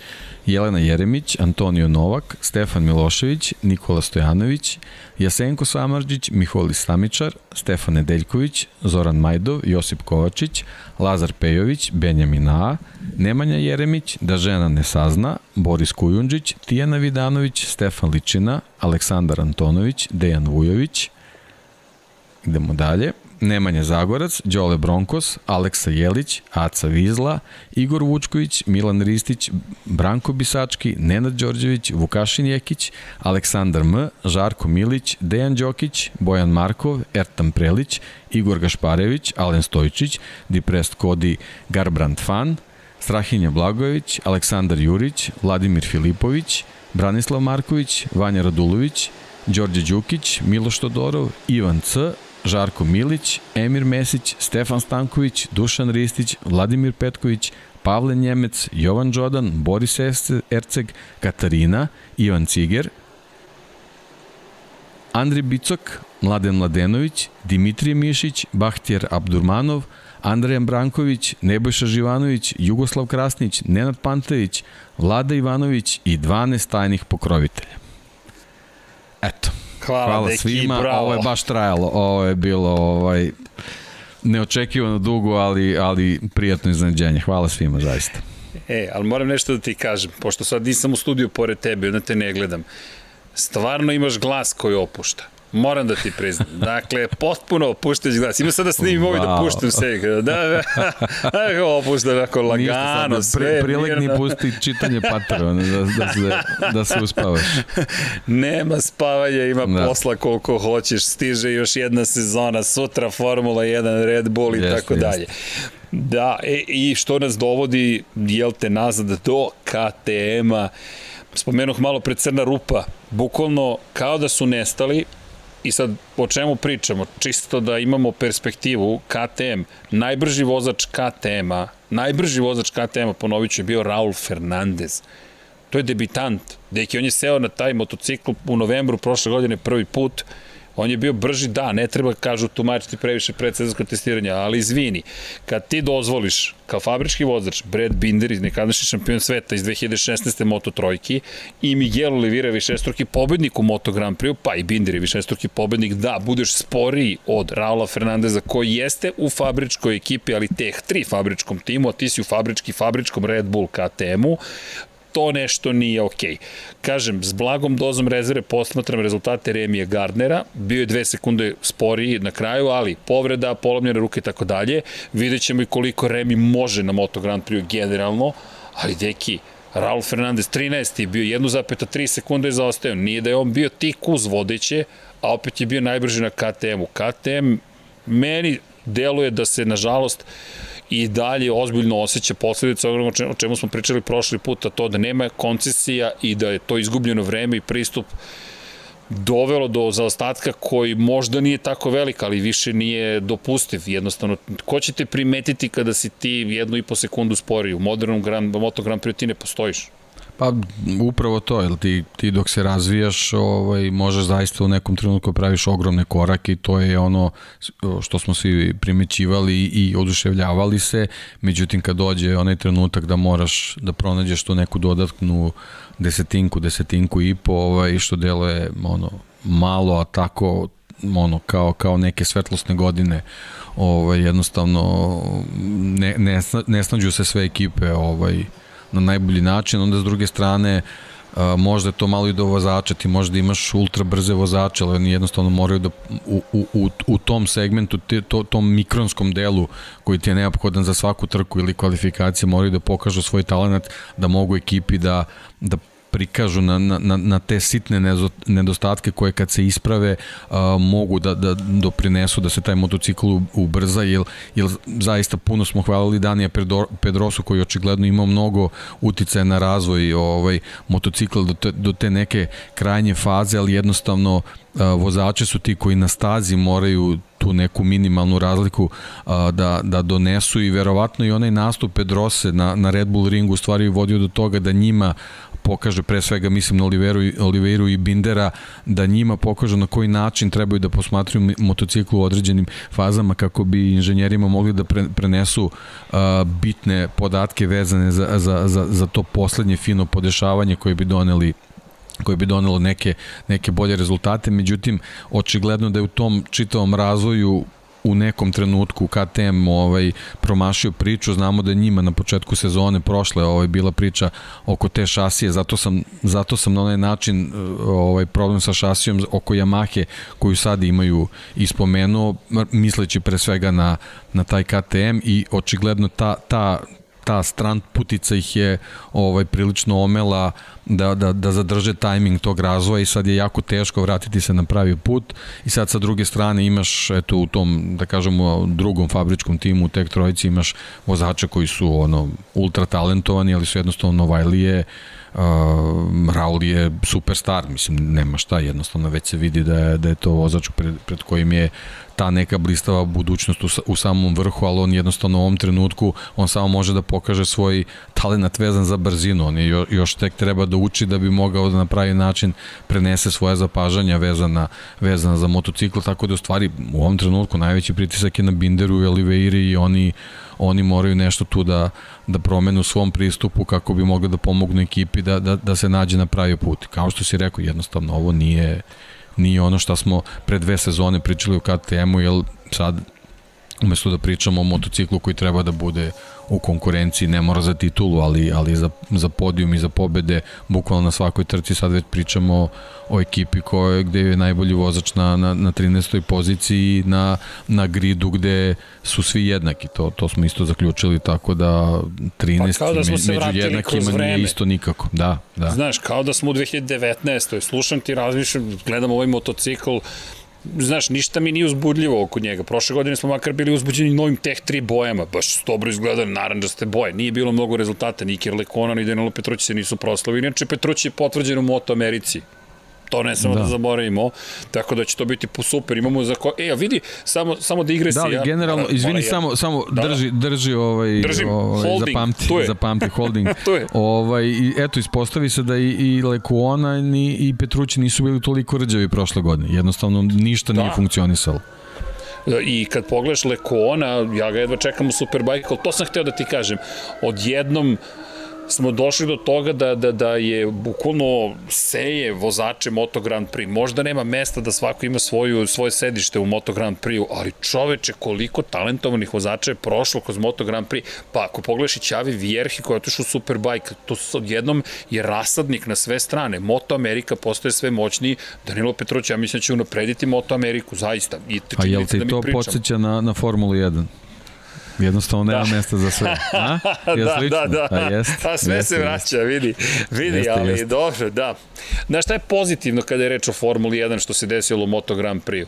Ali zaista mislim da je to pozitivno. Tražim mm, možda pozitivu u nečemu što i tebi mene zabrinjava, ta prevelika, prevelik razvoj tehnologija. To je količina, da zapravo šta me raduje, a to je da su bezbedni timovi. E, tu u Formuli 1 sad postavlja se pitanje u jednom momentu bi bilo vrlo veliki problem i bez veliki broj tima da li će opstati. Ali u Moto Grand Prix sad imaš najzad timove, mi imamo 24 vozača, od kojih većina može da ostvari dobar rezultat. Neću da kažem da većina može da pobedi, ali nismo čak ni daleko ni od toga da imamo 5-6 vozača koji uvek mogu da pobede, ili smo već tu. I to mi je ono što je super. Tako da me raduje iz perspektive stabilnosti tima. Plaši me dalje razvoj tehnologije. Ducati ako ovako nastavi, uh, osam motocikala imaju ovo što prave, ja ne znam kako ćeš sutra da ih pratiš ako se ispostavi da njihova tehničko-tehnološka prednost tolika da džaba tebi što si ti najbrže ako na startu oni nestanu tom brzinom, a onda pošto nemaš maksimalnu brzinu ti ne možeš da ih napadneš na pravcu. Jer šta je bio problem Joana Mira prošle godine, jedan najčih, to je baš rekao bio. Kaže, mi ove godine nismo napredovali na poziciju broj 1 po pitanju maksimalne brzine. Mi smo u sredini, ali to je dovoljno za mene da mogu da pratim Ducati. Osjećam više ob brojeva obrtaja. E, karakteristike motora je rekao da su iste. Rekao, ne mogu da vam objasnim, i ponaša se isto, ali kada pogledaš podatke kada pratiš nekoga, osjećaj je dobar, brzine, ne ponašanja motora. A to je mnogo važno. I sad, ako Ducati nastavi da, da napreduje, pa Martin, koji je bio prošle godine u Kateru kad je bio treći na kraju? 11. tipa što se lansirao na prvu poziciju. Znaš, to, je, to znači da si ti anulirao sve što drugi rade u kvalifikacijama. Tako je. Znaš, to jeste zabrinjavajuće. Jedino pozitivno što odlazi na, na, na, na, na razna mesta vozači odavde. Da, Ali, a okay, dodatno je zabrinjavajuće da se vratimo da. njih, ne zaboravimo KTM, što da, da, u čitavoj ovoj priči o ovim detaljima njih nema nigde. Nema ih nigde. To je, to je u stvari glavni problem. E, e njihova cela, ceo posao koji su oni odlučili da urade u međusezoni je promena pristupa trkanju i zamena glavnog komandujućeg u ekipi, u smislu menadžera ekipe. Ok, nije to mala stvar, ali dok ti to rešavaš, svoju organizacijonu strukturu, i procedure i procese, neko je napravio raketu pored tebe. Znaš, kao da su zaboravili šta je prioritet, kao da, se, kao da su rekli, ok, motor je dovoljno razvijen, to jest, bit će dovoljno razvijen kada postavimo ove procese i procedure. Ponekad mislim da moraš da se vratiš onim bazičnim stvarima. Ej, vidi, onaj Ducati leti. Mi moramo da napravimo nešto što leti. Jer kako je KTM počeo da razvije svoj motor? Gledao je Honda, oni su kopirali Hondu. E, sad je možda došlo vreme ono što si ti rekao, da kopiraju Ducati. Pa, opet, ona priča, Opet. kojoj filozofiji će se prikloniš? Italijanskoj da. ili japanskoj? Jer oni Austrijskoj. Su ipak, oni su tu, da, oni su tu ni na nebu ni na zemlji i taj početni uh, zamajac je bio dobar, na, na, na dobru stranu su krenuli, međutim prvi put kad su se suočili sa problemom da, da su konstrukciono zalutali, jednostavno da. su se izgubili u toj šumi i sad je, sad je jako teško da se vratiš Ej. na pravi put, ali mislim da tu vozače zaista trebaju da igraju veliku ulogu. Ja, ja, ja sam skeptičan. Meni Olivira i Binder, koliko god verovu Bindera, nažalost, potpuno je rasprašio moju fantaziju da će on napredovati prošle godine, deluju kao da više ne mogu do ovoga, da je to to. Je to, to. I još jedan problem, mislim da bi mogao bi to biti problem. Dani Pedrosa je izvrstan, fantastičan, sve to stoji. Ali Dani Pedrosa, Ako i doneo nešto sa sobom iz Honda, to više ne postoji, to je to. Doneo je sve što je mogao da donese. Ja sam ubeđen u to, ne vidim kako, još drugo, sada su privatna testiranja ograničena ove sezone. Ti ne možeš više beskoročno da se vrtiš po stazi ko što pa su to je, to je, to je očigledno detalj gde su oni u nekom trenutku izgubili. Ti kad imaš svo vreme ovog sveta, onda nije, nije problem da možeš da donosiš i beskonačnu količinu delova i da, da probaš, da uklapaš Ovaj, a jednostavno, Dok ne proradi. Kad, tako je, a jednostavno kad se, kad se, kad se dođe u situaciju da, da je da je ovaj vreme za testiranje ograničeno, ako si slučajno krenuo nekim pogrešnim putem, jednostavno nemaš dovoljno vremena da, da se vratiš nazad i onda moraš da jašaš na tom talasu koji definitivno nije dobar. Znaš zašto misli da KTM još većim problemima? Kako ćeš ti da ubediš Raula Fernandeza da ostane posle ove godine? Pa, šta, to je to. Šta to čine dovoljno da bi Raul Fernandez, koji je očigledno mega talentovan, rekao ne, neću, gde god da se vrata otvore, jer po ovome sada mi što vidimo, Aprilija da mu ponudi ugovor delo je bolje od KTM-a a to nisam, moram ti priznati, očekivao da će se desiti. Ali okej, okay, da ne žurimo, polako, jedno Da, da, ne, ne, ne možemo, ne možemo na osnovu ova dva dana bilo Naravno. šta da, da zaključujemo, ali, ali jednostavno uh, u onoj uh, izjednačenoj priči od prošle godine... Možeš slobodno uzmi igračke. A dobro, vi tu pričate Aha, o da, tome, izvini, nema veze, da, slobodno. Da. Ne, ne, ne, slobodno, slobodno. Hulka. Idemo posle kod slobodno, tatu u drugu slobodno. kuću. Tata je u izmeštenom objektu, pa pita dete kada ćemo. Kad završimo podcast, jel može? Mislim da sam dao neki odgovor, nekonkretan, izvini, deki, molim te. ne, ne, sve okej, okay, sve okej, okay, samo nemam pojma gde sam stao. A petogodišnjaci imaju prednost, ne znam ni ja, gledao sam Lukasa jer pratim šta se događa. Izvinjenje. Ljubavi, sad kad završimo mi, Čika Deki i ja, onda ćemo da idemo. Jel može? Dogovoreno. Ideš po baku, dobro, pozdravi baku. Ostavio si crtež tamo kod mene, crtež, ništa ti ne brini. Baka Juri Lukasa. Dođi ovde rešena, Lukas. Rešena situacija, Rešeno. da, da. Baka da. je taj koji je menadžer ekipe. da, stali smo Izvini, kod, kod Raula, pa ne, stali kod smo Raula. kod Raula, da, jednostavno ovaj, Uh, to je ta situacija gde ovaj sad on sa druge strane merka šta se dešava u Hondi vezano za Markeza i Pola Espargara i ja mislim recimo da je, da je to isto što se njega tiče meta nema šta. Ma znači, ako, 100%, ako, pazi, španska ako, veza, to su te boje, nema, nema bogatije ekipe, nema bogatije ne uradi, istorije. ne uradi sve što treba, mislim da, da, da on Ajde već, već, već, već tokom letnje pauze ćemo znati šta će se dešavati dalje. Da li će Yamaha, samo kratko da, da, da se vratimo na to, da li će Yamaha da dovede još nekog osim Morbidelli kvartarara? Pa ne znam, Yamaha meni, meni što se tiče što se tiče HR-a, ovaj Yamaha oni deluju onako malo malo usporeni i, i nisu pa da. baš možda možda ne odmeravaju Zastare dobro sve te situacije. Da, tako da da mislim da da u toj igri ne učestvuju toliko, posebno ako sezona dobro krene u, u, u ovaj posebno u, u, u smislu Fabio Quartarara, mislim da će oni tu tu malo i opustiti i da kao da će jedva čekati da, da, da se to desi. Sad, ako krene neka krizna situacija, videli smo sa, sa i Vinjalesom da nisu baš najbolje to ishendlovali. Da. U stvari, situacija Rossi Vinjales, ja, ja uvek u to, tu priču moram da, da stavim da. Valentina Rossi, jer nekako nisam, nisam preželio to što su se oni njega tako lako, što su se Rosija tako lako rešili, tako da ovaj, eto, tu su pokazali da baš ne, ne hendluju dobro te stvari, mislim, diametralno suprotno odnosu na situacije kako ih Ducati, na primjer, rešava, ali jednostavno ovaj, mislim da u toj nekoj igri gde mora kao brzo da se reaguje, mislim da, da Yamaha zaostaje. Pa da, i to ne da zaostaje. Dušo, kad završimo, dođi vamo. Sad mahni publici za YouTube. A sad moram da te vratim kod bake. Trk kod bake. To je bio Lukas. Dobili su dozvolu roditelja da se pojave. Ali da se vratimo mi na Repsol Hondu, tako je to kad troje dece juri, a ima raspust ovde inače leto, za one koji ne znaju, na južnoj polu lopti i 1. marta počinje školska godina, tako da se deca igraju. U svakom slučaju, za Raula Fernandeza, Yamaha, kao što si rekao, malo zastavio princip. Juri, ja ne verujem da će ikoga promeniti. Što se tiče Vinjalesa Rosija, slažem se s tobom, mislim da su mnogo pogrešili prosto, ali to, zato i mislim da Yamaha neće ništa menjati. Samim tim, Ralf Fernandez ne ide tamo. Ostaju mu još četiri fabrike. Aprilija, ne verujem da će hteti da ide u Apriliju, ima najmanje da ponudi bez obzira na ove rezultate. Suzuki, teško mi je da poverujem da će uspeti da ga privole posle svih problema koje John Mir imao sa odbornom titule i ostaju ti Ducati i Honda. To je moje mišljenje. Zašto bi Ducati, koji inače planira da produži ugovor sa Franceskom Banjajom do, do kraja 2024 pokušava sada da dovede nekoga ko ne pozna njihov motocikl, a imaju Jorgea Martina u pramaku i Eneo Bastianinija u sred male ekipe Gresini sa GP21 koji je za sada zvezda. Či nemaš razloga da, da tražiš dalje. Da, pritom Italijan. Da. Italijan, savršeno se ti se sve uklopio. Jack Miller ne verujem da će tu ostati, prosto Jack ba, mora bi zaista da se bori za titulu da bi zadržao svoju poziciju. Ne, to je moj o, njemu ono mora da prestoji neki ozbiljan bljesak da bi se nešto promenio.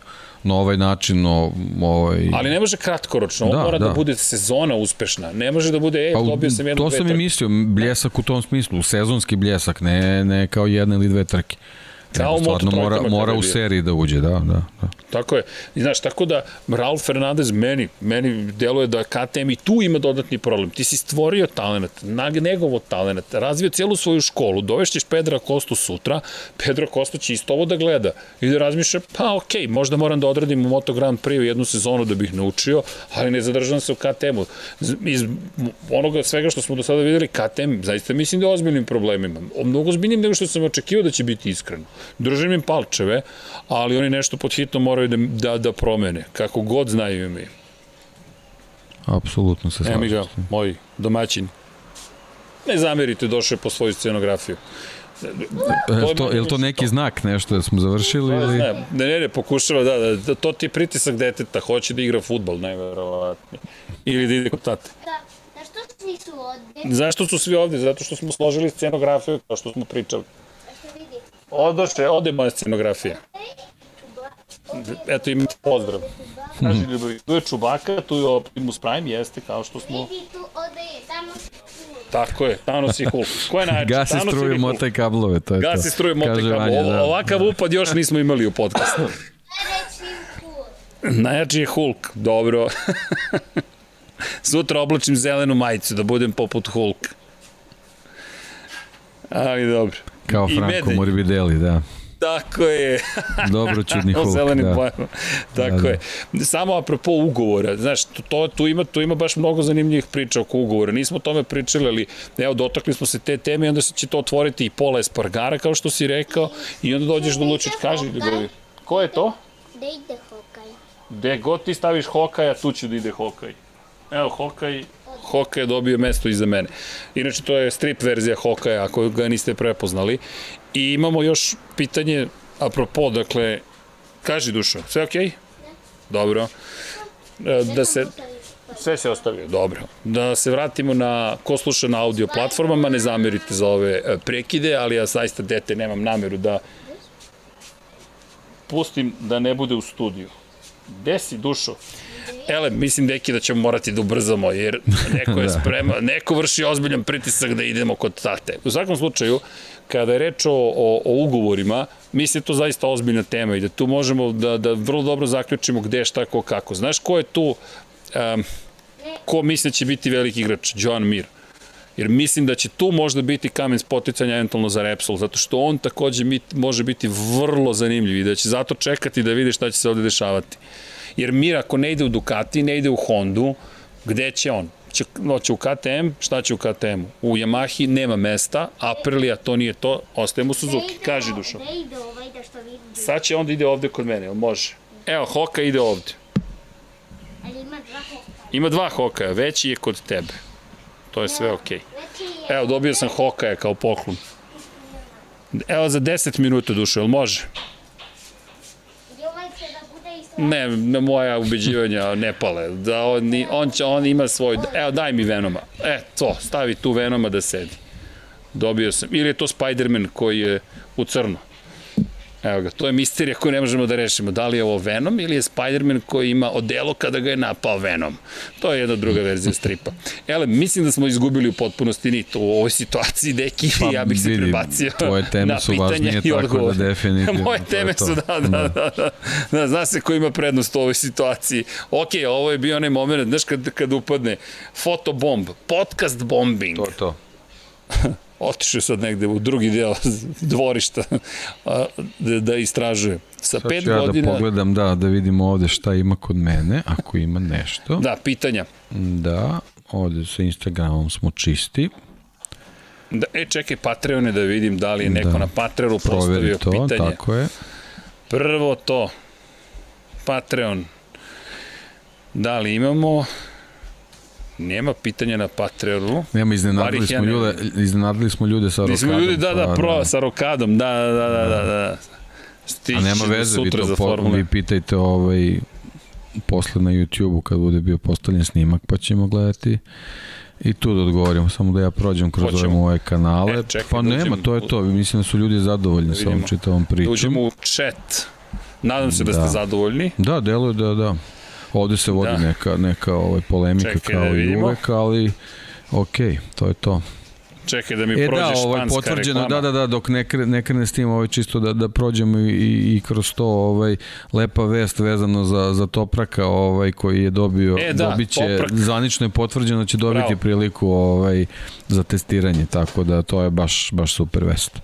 Apsolutno zasluženo, da. stvarno. I to je nešto što je kao što si rekao, zasluženo, mo, možda dodatna glavobolje sada za sve one koji žele da angažuju. Jer pazi sad ovo, ako ako dođemo u situaciju da Toprak dobar bude na Yamahi M1, a nema mesta na M jedinici, da li Toprak kaže, ok, možda ja mogu da se opravam u Moto Grand Prix, sad je poslednja šansa. Pa znaš kako, sad je bukvalno sad, sad opet dolazimo u situaciju ovaj, da kažemo da sve više Moto Grand Prix počne da liči na Formula 1. Ako Toprak, e, kako je najavljeno, jun ili avgust ovaj, dobije priliku da testira sa, sa Kračlovom, ako bude dobar u toj čitavoj priči, to je ovaj, u principu jedna dobra audicija iza njega i da Yamaha vidi šta on može. Ovaj, ako on bude ohrabren s tim da, da, da zaista pokuša u Moto Grand Prix, pre svega će njegov sponsorski paket da, da odlučuje da li će u nekoj situaciji imati prednost ili ne ovaj, zato što ako, ako pokaže vozačke kvalitete, ako ne budu sporni, tu znači neće biti nikakve druge priče osim, osim nekog um, novčanog paketa koji može da donese sa sobom, tako da ako to sve bude išlo na, na tu pozitivnu stranu, posebno ta dva elementa, mislim da, da stvarno može ozbiljno da, da, da uzdrma čitavu, čitavu igru koja se nalazi oko te priče i potpisivanju ugovora za, za 2023. A videli smo da, da su gotovo svi vozači ovaj slobodni da, da razmišljaju o tome. Pa da, i pazi sad ovo, kada je reč o, o, o Topraku, samo digresija kratka, rekao je da je bio stunt vozač na početku, to smo možda spomenuli, možda nismo, da, ali da, pozdrav za rade ta stanta, da, da, da, je, sam da. rekao, ok, yes, jer yes. to mi je nekako i dalje u glavi i mislim da je to mnogo važno. E da, i nismo spomenuli još jednu stvar, Aleš Espargaro izbjegao kaznu, vozio je 435 km van zone koja je bila dozvoljena za, za vozače Moto Grand Prix-a, ali je postojala čak šansa da, da bude ozbiljno kažnjen i da poremeti planove predsedniskog testiranja, jer progledali su mu kroz prste, ali bukvalno čovjek čovjek 435 km na biciklu provezao kroz, Maleziju u sred pandemije i svega što se dešava, ali izbjegao je kaznu. Samo da ne zaboravimo taj, taj moment. I najnovije vesti za Katar, e, navodno, to moram da proverim, se priča o tome da će u potpunosti liberalizovati dolazak u Katar za prvu trku. Tako da ako neko razmišlja da dolazi u Katar, neka prati bukvalno ovih dana neka prati situaciju koja se razvija s obzirom na činjenicu da bi moglo da se desi da bude dozvoljeno svima da dolaze u Katar, koji je dosta bio zatvoren do sada. Tako da eto, ispratite taj moment ukoliko planirate da idete. E, ima zanimljivo pitanje, da li nas podsjeća na GP19 nova Honda? Pa ne znam, mene, mene ne mm. toliko. Ja je onako nekako gledam u, u, u celini i mislim da je to onako baš jedan onako Nisam video originalniji pristup, ajde tako da kažem. Da. Mm, jel ti deluje oblije neko, ono što pa jest, japanski jest, neko, da, da, da, tečne su linije. Tečni, fluid, fluidan je skroz, da, da. Zaista. Baš je fluidan. I ima još posebno, stvar, posebno taj, taj, taj, taj zadnji deo iza, iza, iza sica ovaj, gde, gde su morali da smeste te, te ovaj, izdune grane, stvarno mi onako nekako moderno retro deluje sve, stvarno super. Kaže Ljubavi. Mi, kao što vidite, da još malo mi daj da odgovorim na par pitanja, moramo da ispoštujemo drugare, jel može? Hvala, dobio sam dozvolu. Tako da, e, apropo pitanja, šta očekamo testovo mandaliki? Šta očekamo testovo mandaliki? Pa prvo da se upoznamo sa stazom. Bukvalno, jer mandaliku mi ne poznajemo iz ove perspektive. Prvi put da ćemo zaista imati test tog tipa, pa da vidimo kako izgleda ta staza i uopšte šta će Moto Grand Prix da donese. Inače, to se zove međunarodna ulična staza.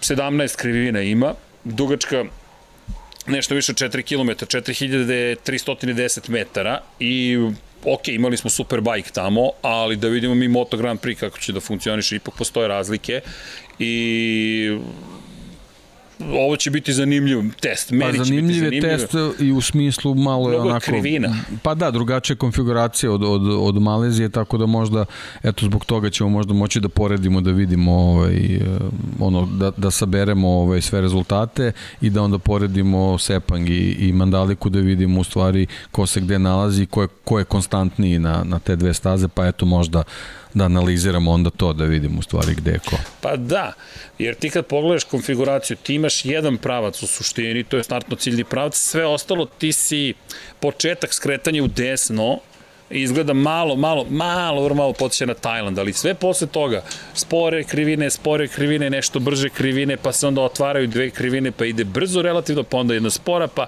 neka, opet kao Tajland, kao... Što znači da će Mahi biti kašika. zanimljivo s ovim njihovim problemima, u stvari da vide gde pa, su da. zaista. Da. da, da vide gde su. I ono što mene zanima je do kog stepena prenosa će uopšte dolaziti duž ove staze. Jer to je ono što ću gledati. Eto, šta bih vam ja preporučio da gledate? Gledajte stepene prenosa. Zašto? Dakle, do, svako će dolaziti do šestog na pravcu, ali me zanima koje će sve stepene prenosa ovde koristiti. To mi je zanimljivo. Da vidimo ko se tu gde ponaša kako, u kojoj brzini. I da vidimo zaista na, na, na kočenju i dodavanju gasa ko će se najbolje snaći. Jer pogotovo završni deo, probaš mišiće, pogotovo završni deo staze je zanimljiv. Zaista zanimljiv. Toga nema u Maleziji. Tako da ćemo vidjeti nešto novo. Jesi video? Sve. Do, inače stavio masku zato što ga pretpostavljam zabavlja, ali dobro. Uh, evo mi, daj mi pet minuta. Dogovoreno, hvala ti i idemo onda u akciju nas dvojice. Nemam pojma gde idemo, petogodišnjak će negde da me odvede, ali nadam se da znamo gde ćemo otići.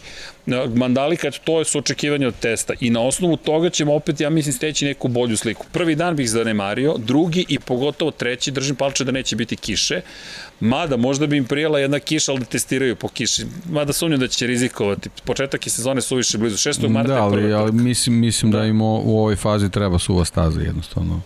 Pravo si. O, ne, Bolje neophodno je, neophodno je da budu idealni uslovi da bi, da bi jednostavno videli gde su. Pogotovo posle dve godine, jer ovo su prvi novi, pravi, zaista novi motocikli. Prošle godine su menjali šasiju, menjali su oplatu, menjali su aerodinamiku. Nisu menjali motor sa unutrašnje svegorevanje, koji, gled čuda, igra prilično veliku ulogu u svemu ovome. Dobro, da vidimo šta ima. Aha, ovde je neka rasprava oko Markeza ili ne. E, dobro, samo da vidim. E, da, i pustite testiranje šampionat je nešto drugo. Dobar komentar, s obzirom na činjenicu da zaista a, je nemoguće na osnovu ovoga što vidimo reći 100% je tako Absolut, i tako. Ovo su, apsolutno, ovo su naša tumačenja zato što smo gladni trkanja, gladni smo od toga da vidimo motore na stazi, gladni smo od toga da uzmemo neke papire i vidimo rezultate i kažemo ok, ovi su brzi, ovi nisu. Ono što ja mislim da je zaključak, par, par stvari. Bastianini će biti brz, pa će biti brz. GP22 najbolje pripremljen motocikl. Honda, velika kocka, čekamo da vidimo da li će ne toliko Markeze, od Markeza čekam da bude brz, pa će biti brz. E sad, tu, su, tu je veće pitanje njegove fizičke pripremljenosti i toga u kakvom je on stanju, a s druge strane na osnovu ostale trojice vozača ćemo zaključiti da li uradila pravi posao. Yamaha, delo je da se nije mrdnula, bukvalno s novim motorom. I to mislim da je najveći problem. Spomenjao si šasio, ali deki, e, još jedna stvar koju ne smemo da zaboravimo, oni će zapečatiti te motore. Oni nemaju više mogućnosti, to jest ne zapečatiti samo motore, oni će dati tehničke nacrte posle kojih nema promjena motora za Tako ovu je. godinu. Tako I Yamaha, ako sada nije rešila problem sa unutrašnjim motora sa unutrašnjim sagrevanjem, to je to za ovu sezonu. Opet očekujemo 7, 8, 9, 10 km razlike u brzini maksimalnoj i da se nadaju da će elektronikom nešto uspeti da učine. Da će I tu uspeti da i, da nadoknade. I da će Fabio uspeti da nadoknadi. Fabio svakako, kočenje, krivina, veština, načina koji pristupa trkanju, to se svodi na njega, ali Yamaha i onda KTM koji tako deluje da luta. Jer koliko god govori Oliveira izjavio, mi smo blizu samo 3-4 desetinke da nađemo i super smo. 3-4 desetinke. Oni zastaju sekund i po, nadaju se da će im pomoći 4 desetinke. Ja, ja, ja to ne vidim. Ja vidim KTM da će opet imati neku stazu gde će biti dobar i onda dolazimo do Aprilije. E, to će mi biti zanimljivo. Mandali kada nam pokaže šta Aprilija može. Mislim da će Aprilija to biti super test za Apriliju. Maverick Vinales da će imati još više vremena na, na, na motociklu i, i tako. Deki, I mislim, mislim da je vreme da odjavljuješ, tako je. Da, greši srđene, nije GP22 najbolji škrip elektronika, Trdoci Peko rekli bit će još bolje GP22. E, ne mislim da je on doteran do svog savršenstva, samo prosto mislim da je on najbolji motocikl koji se pojavio na stazi. Da je to najkompletniji motor koji smo imali prilike da imamo. I to ono što smo rekli, uh, u prvih nekoliko trka GP21 će biti bolji motor, zato što je to konačna evolucija tog motora, zato što imaju podatke sa staza na koje odlazimo i zato što imaju vozača koji je raspoložen da upravlja njime kako treba, a ima godinu iskustva iza sebe. Marko Beceki još ima da uči i naravno još ima Fabio Di Antonio da uči. Tako da GP21 će biti najbolji u beštinim rukama u prvih nekoliko trka. Ali GP22 ja zaista mislim da ono zastrašujući motor. To. Apsolutno, apsolutno se slažem, da. Da, inače, da li ste pročitali uh, tweet Meta Oxley o Moto Grand Prix seriji da će se zvati MotoGP Unlimited i da je premijera 16. februara. Dakle, e da, Verek 46 ekipu smo zaboravili da spomenemo, samo smo protrčali kroz nju. A, da, izvinjavam se, spomenuli smo Luku Marinija. Hajmo ovako, Luka Marini bio 11. na kraju, a ono što čekamo nekako jeste još zvaničnije da, da vidimo Ver 46. Pohvale inače, međutim, ozbiljne pohvale za Marka Becekija. Čovjek je bio 16. kao, kao Novajlija, na starom motoru, nije mnogo zaostajao, nešto malo više od pola sekunde i ono što je bilo super za Marinija, u 30 tinke je bio u odnosu na vodeće. E sad, Luka Marini, tu malo podsjeća na Joana Mira, je malo povučeniji, rezervisaniji vozač, tako da nije da neko ko dolazi zapravo tako brzo do izražaja, ne zamerite, i Marko Beceki koji verujem da će biti da će biti super zapravo. Zašto? Zato što verujem da ćemo u Luka Marini mnogo pomoći. Ver 46 tim, M ima Valentina Rossi u sebe, M ima uh, imaju jedni drugi. I mislim da je to velika snaga VR46 ekipe, da je to nešto što drugi nemaju u toj meri. To je ono što mislim da je Valentino Rossi hteo da postigne rančom, akademijom, svim što radi, da je to, da snagu možeš uvek da crpiš iz VR46 akademije. To je tog, da kažemo, kružaka u kojem si. Jeste, to je ne samo ono, pa ne, ne, apsolutno se slažem, nego samo taj jako važan detalj za te male ekipe će glavni problem biti jako, jako duga sezona. Treba, treba, treba držati ovaj fokus čitave godine, imati dovoljno sredstava i, i biti dovoljno iskusan da se da se određene situacije ishendluju kad kad dođe do, do nekih do nekih nezgodnih ovaj situacija tako da to je to je dodatni izazov za njih. Samo da proverim, da, evo jedan od komentara 24. februara VR46 će prezentovati svoju ekipu. Tako da, ali mi slažem se sa ovim komentarom da kasne i to je jedan od razloga zašto, neko, neću kaže da ga ne spominjemo, ali nisam, nismo to uspeli da... Čekaju da, još neke da nekako, sponzore. Da, da, da, da, da, da, da. čekaj, čekaj, čekaj. E da, vraćam se u petak, tako da ćemo rešiti pitanje prošlogodišnjeg šampiona našeg fantazija, jer neko je napisao ovde će biti vrlo zanimljivo u, u fantaziju. I uz Opa, ove godine, da. O, ove, e, ali ove godine igramo ozbiljno. Jel hoćeš? Da sedem pa ja, da kažem, ne, ja se opet držim, ja ću, ja ću na početku da napravim ekipu i neću je menjati. E, ali to, znaš da se da. meni dopada taj princip, zašto? Zato što tako izgleda građanje ekipe u stvarnom životu. Jer ti kažeš na početku godine, ovo su moji vozači, ja sam komitovan. Ja, ja moram sa njima i nema dovodim koga god hoću u zavisnosti od forme. Ne, ne, ne, ovo su moji vozači. Ja ću tako. Ma može. Može.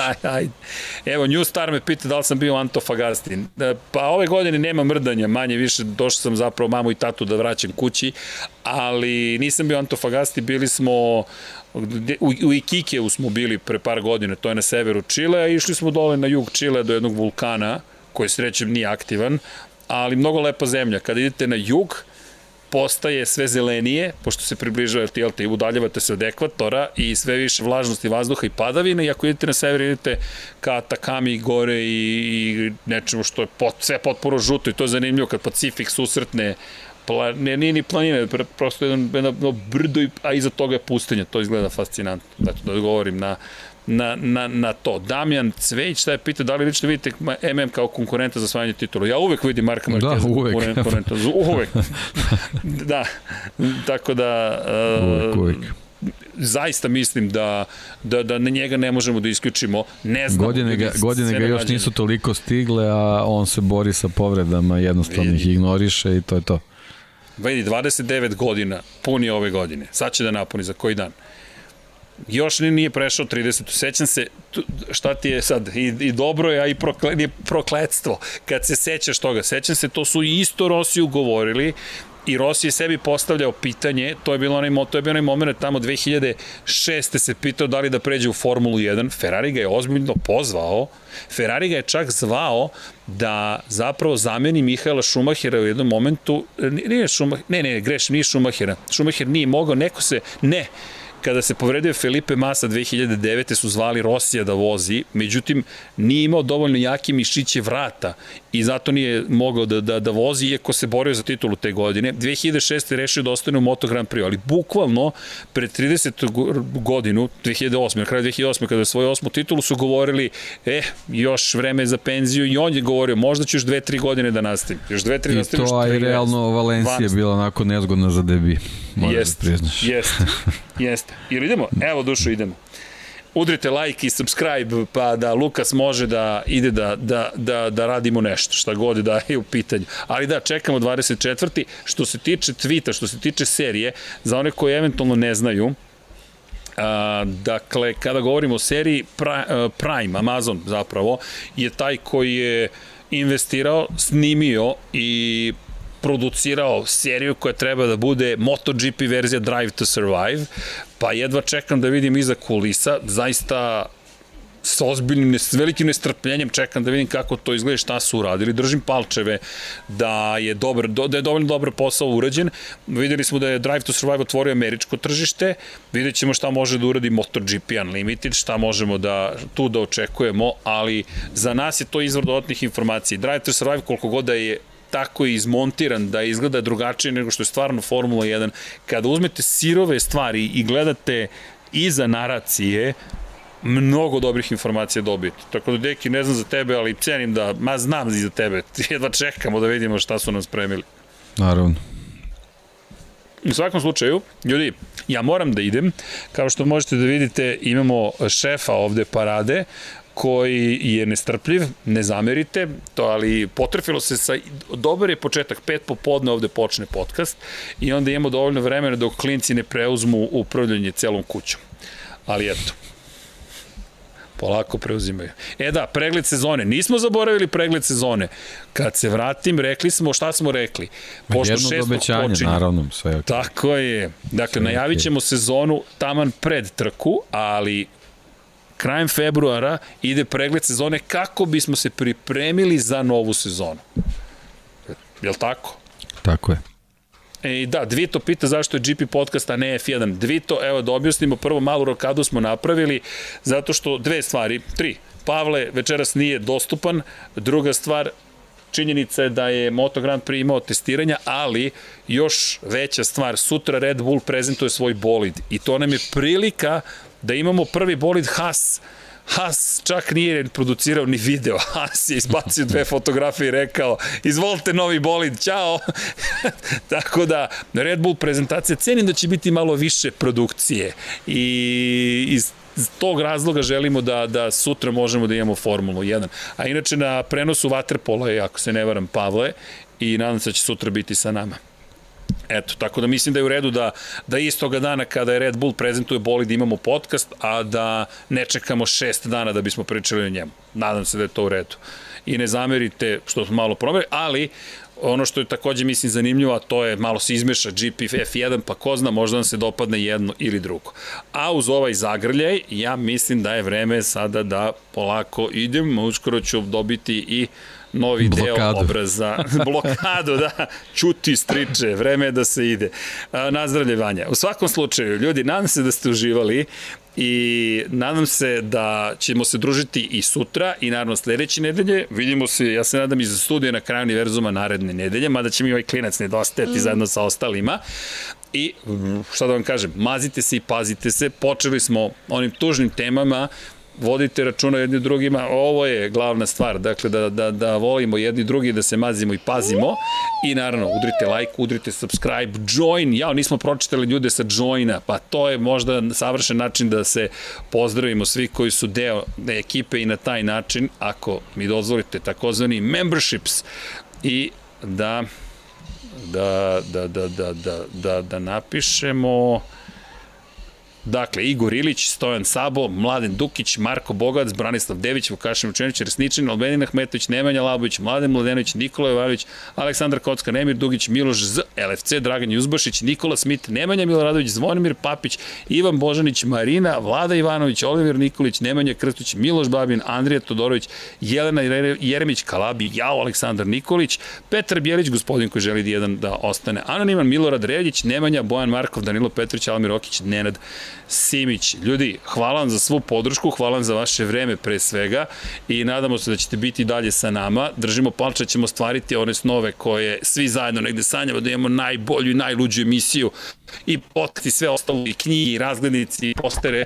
E, daj sekund dušo e, na shop.infinitylighthouse.com i naravno uz ovaj udarac mikrofonu i pozdrav mog uh, mladog... Uh, Nisam udario. Sam nisi udario dušo, ti radio, si car. Sam, sam pomerio ovako. Ti si pomerio, to je sve u redu. Deki, ja te pozdravljam i uz pozdrav od Lukasa Ercega, drugari, pozdrav za vas dvojicu. Pazite se i budite dobri, udrite like naravno i veliki pozdrav u ime cele ekipe.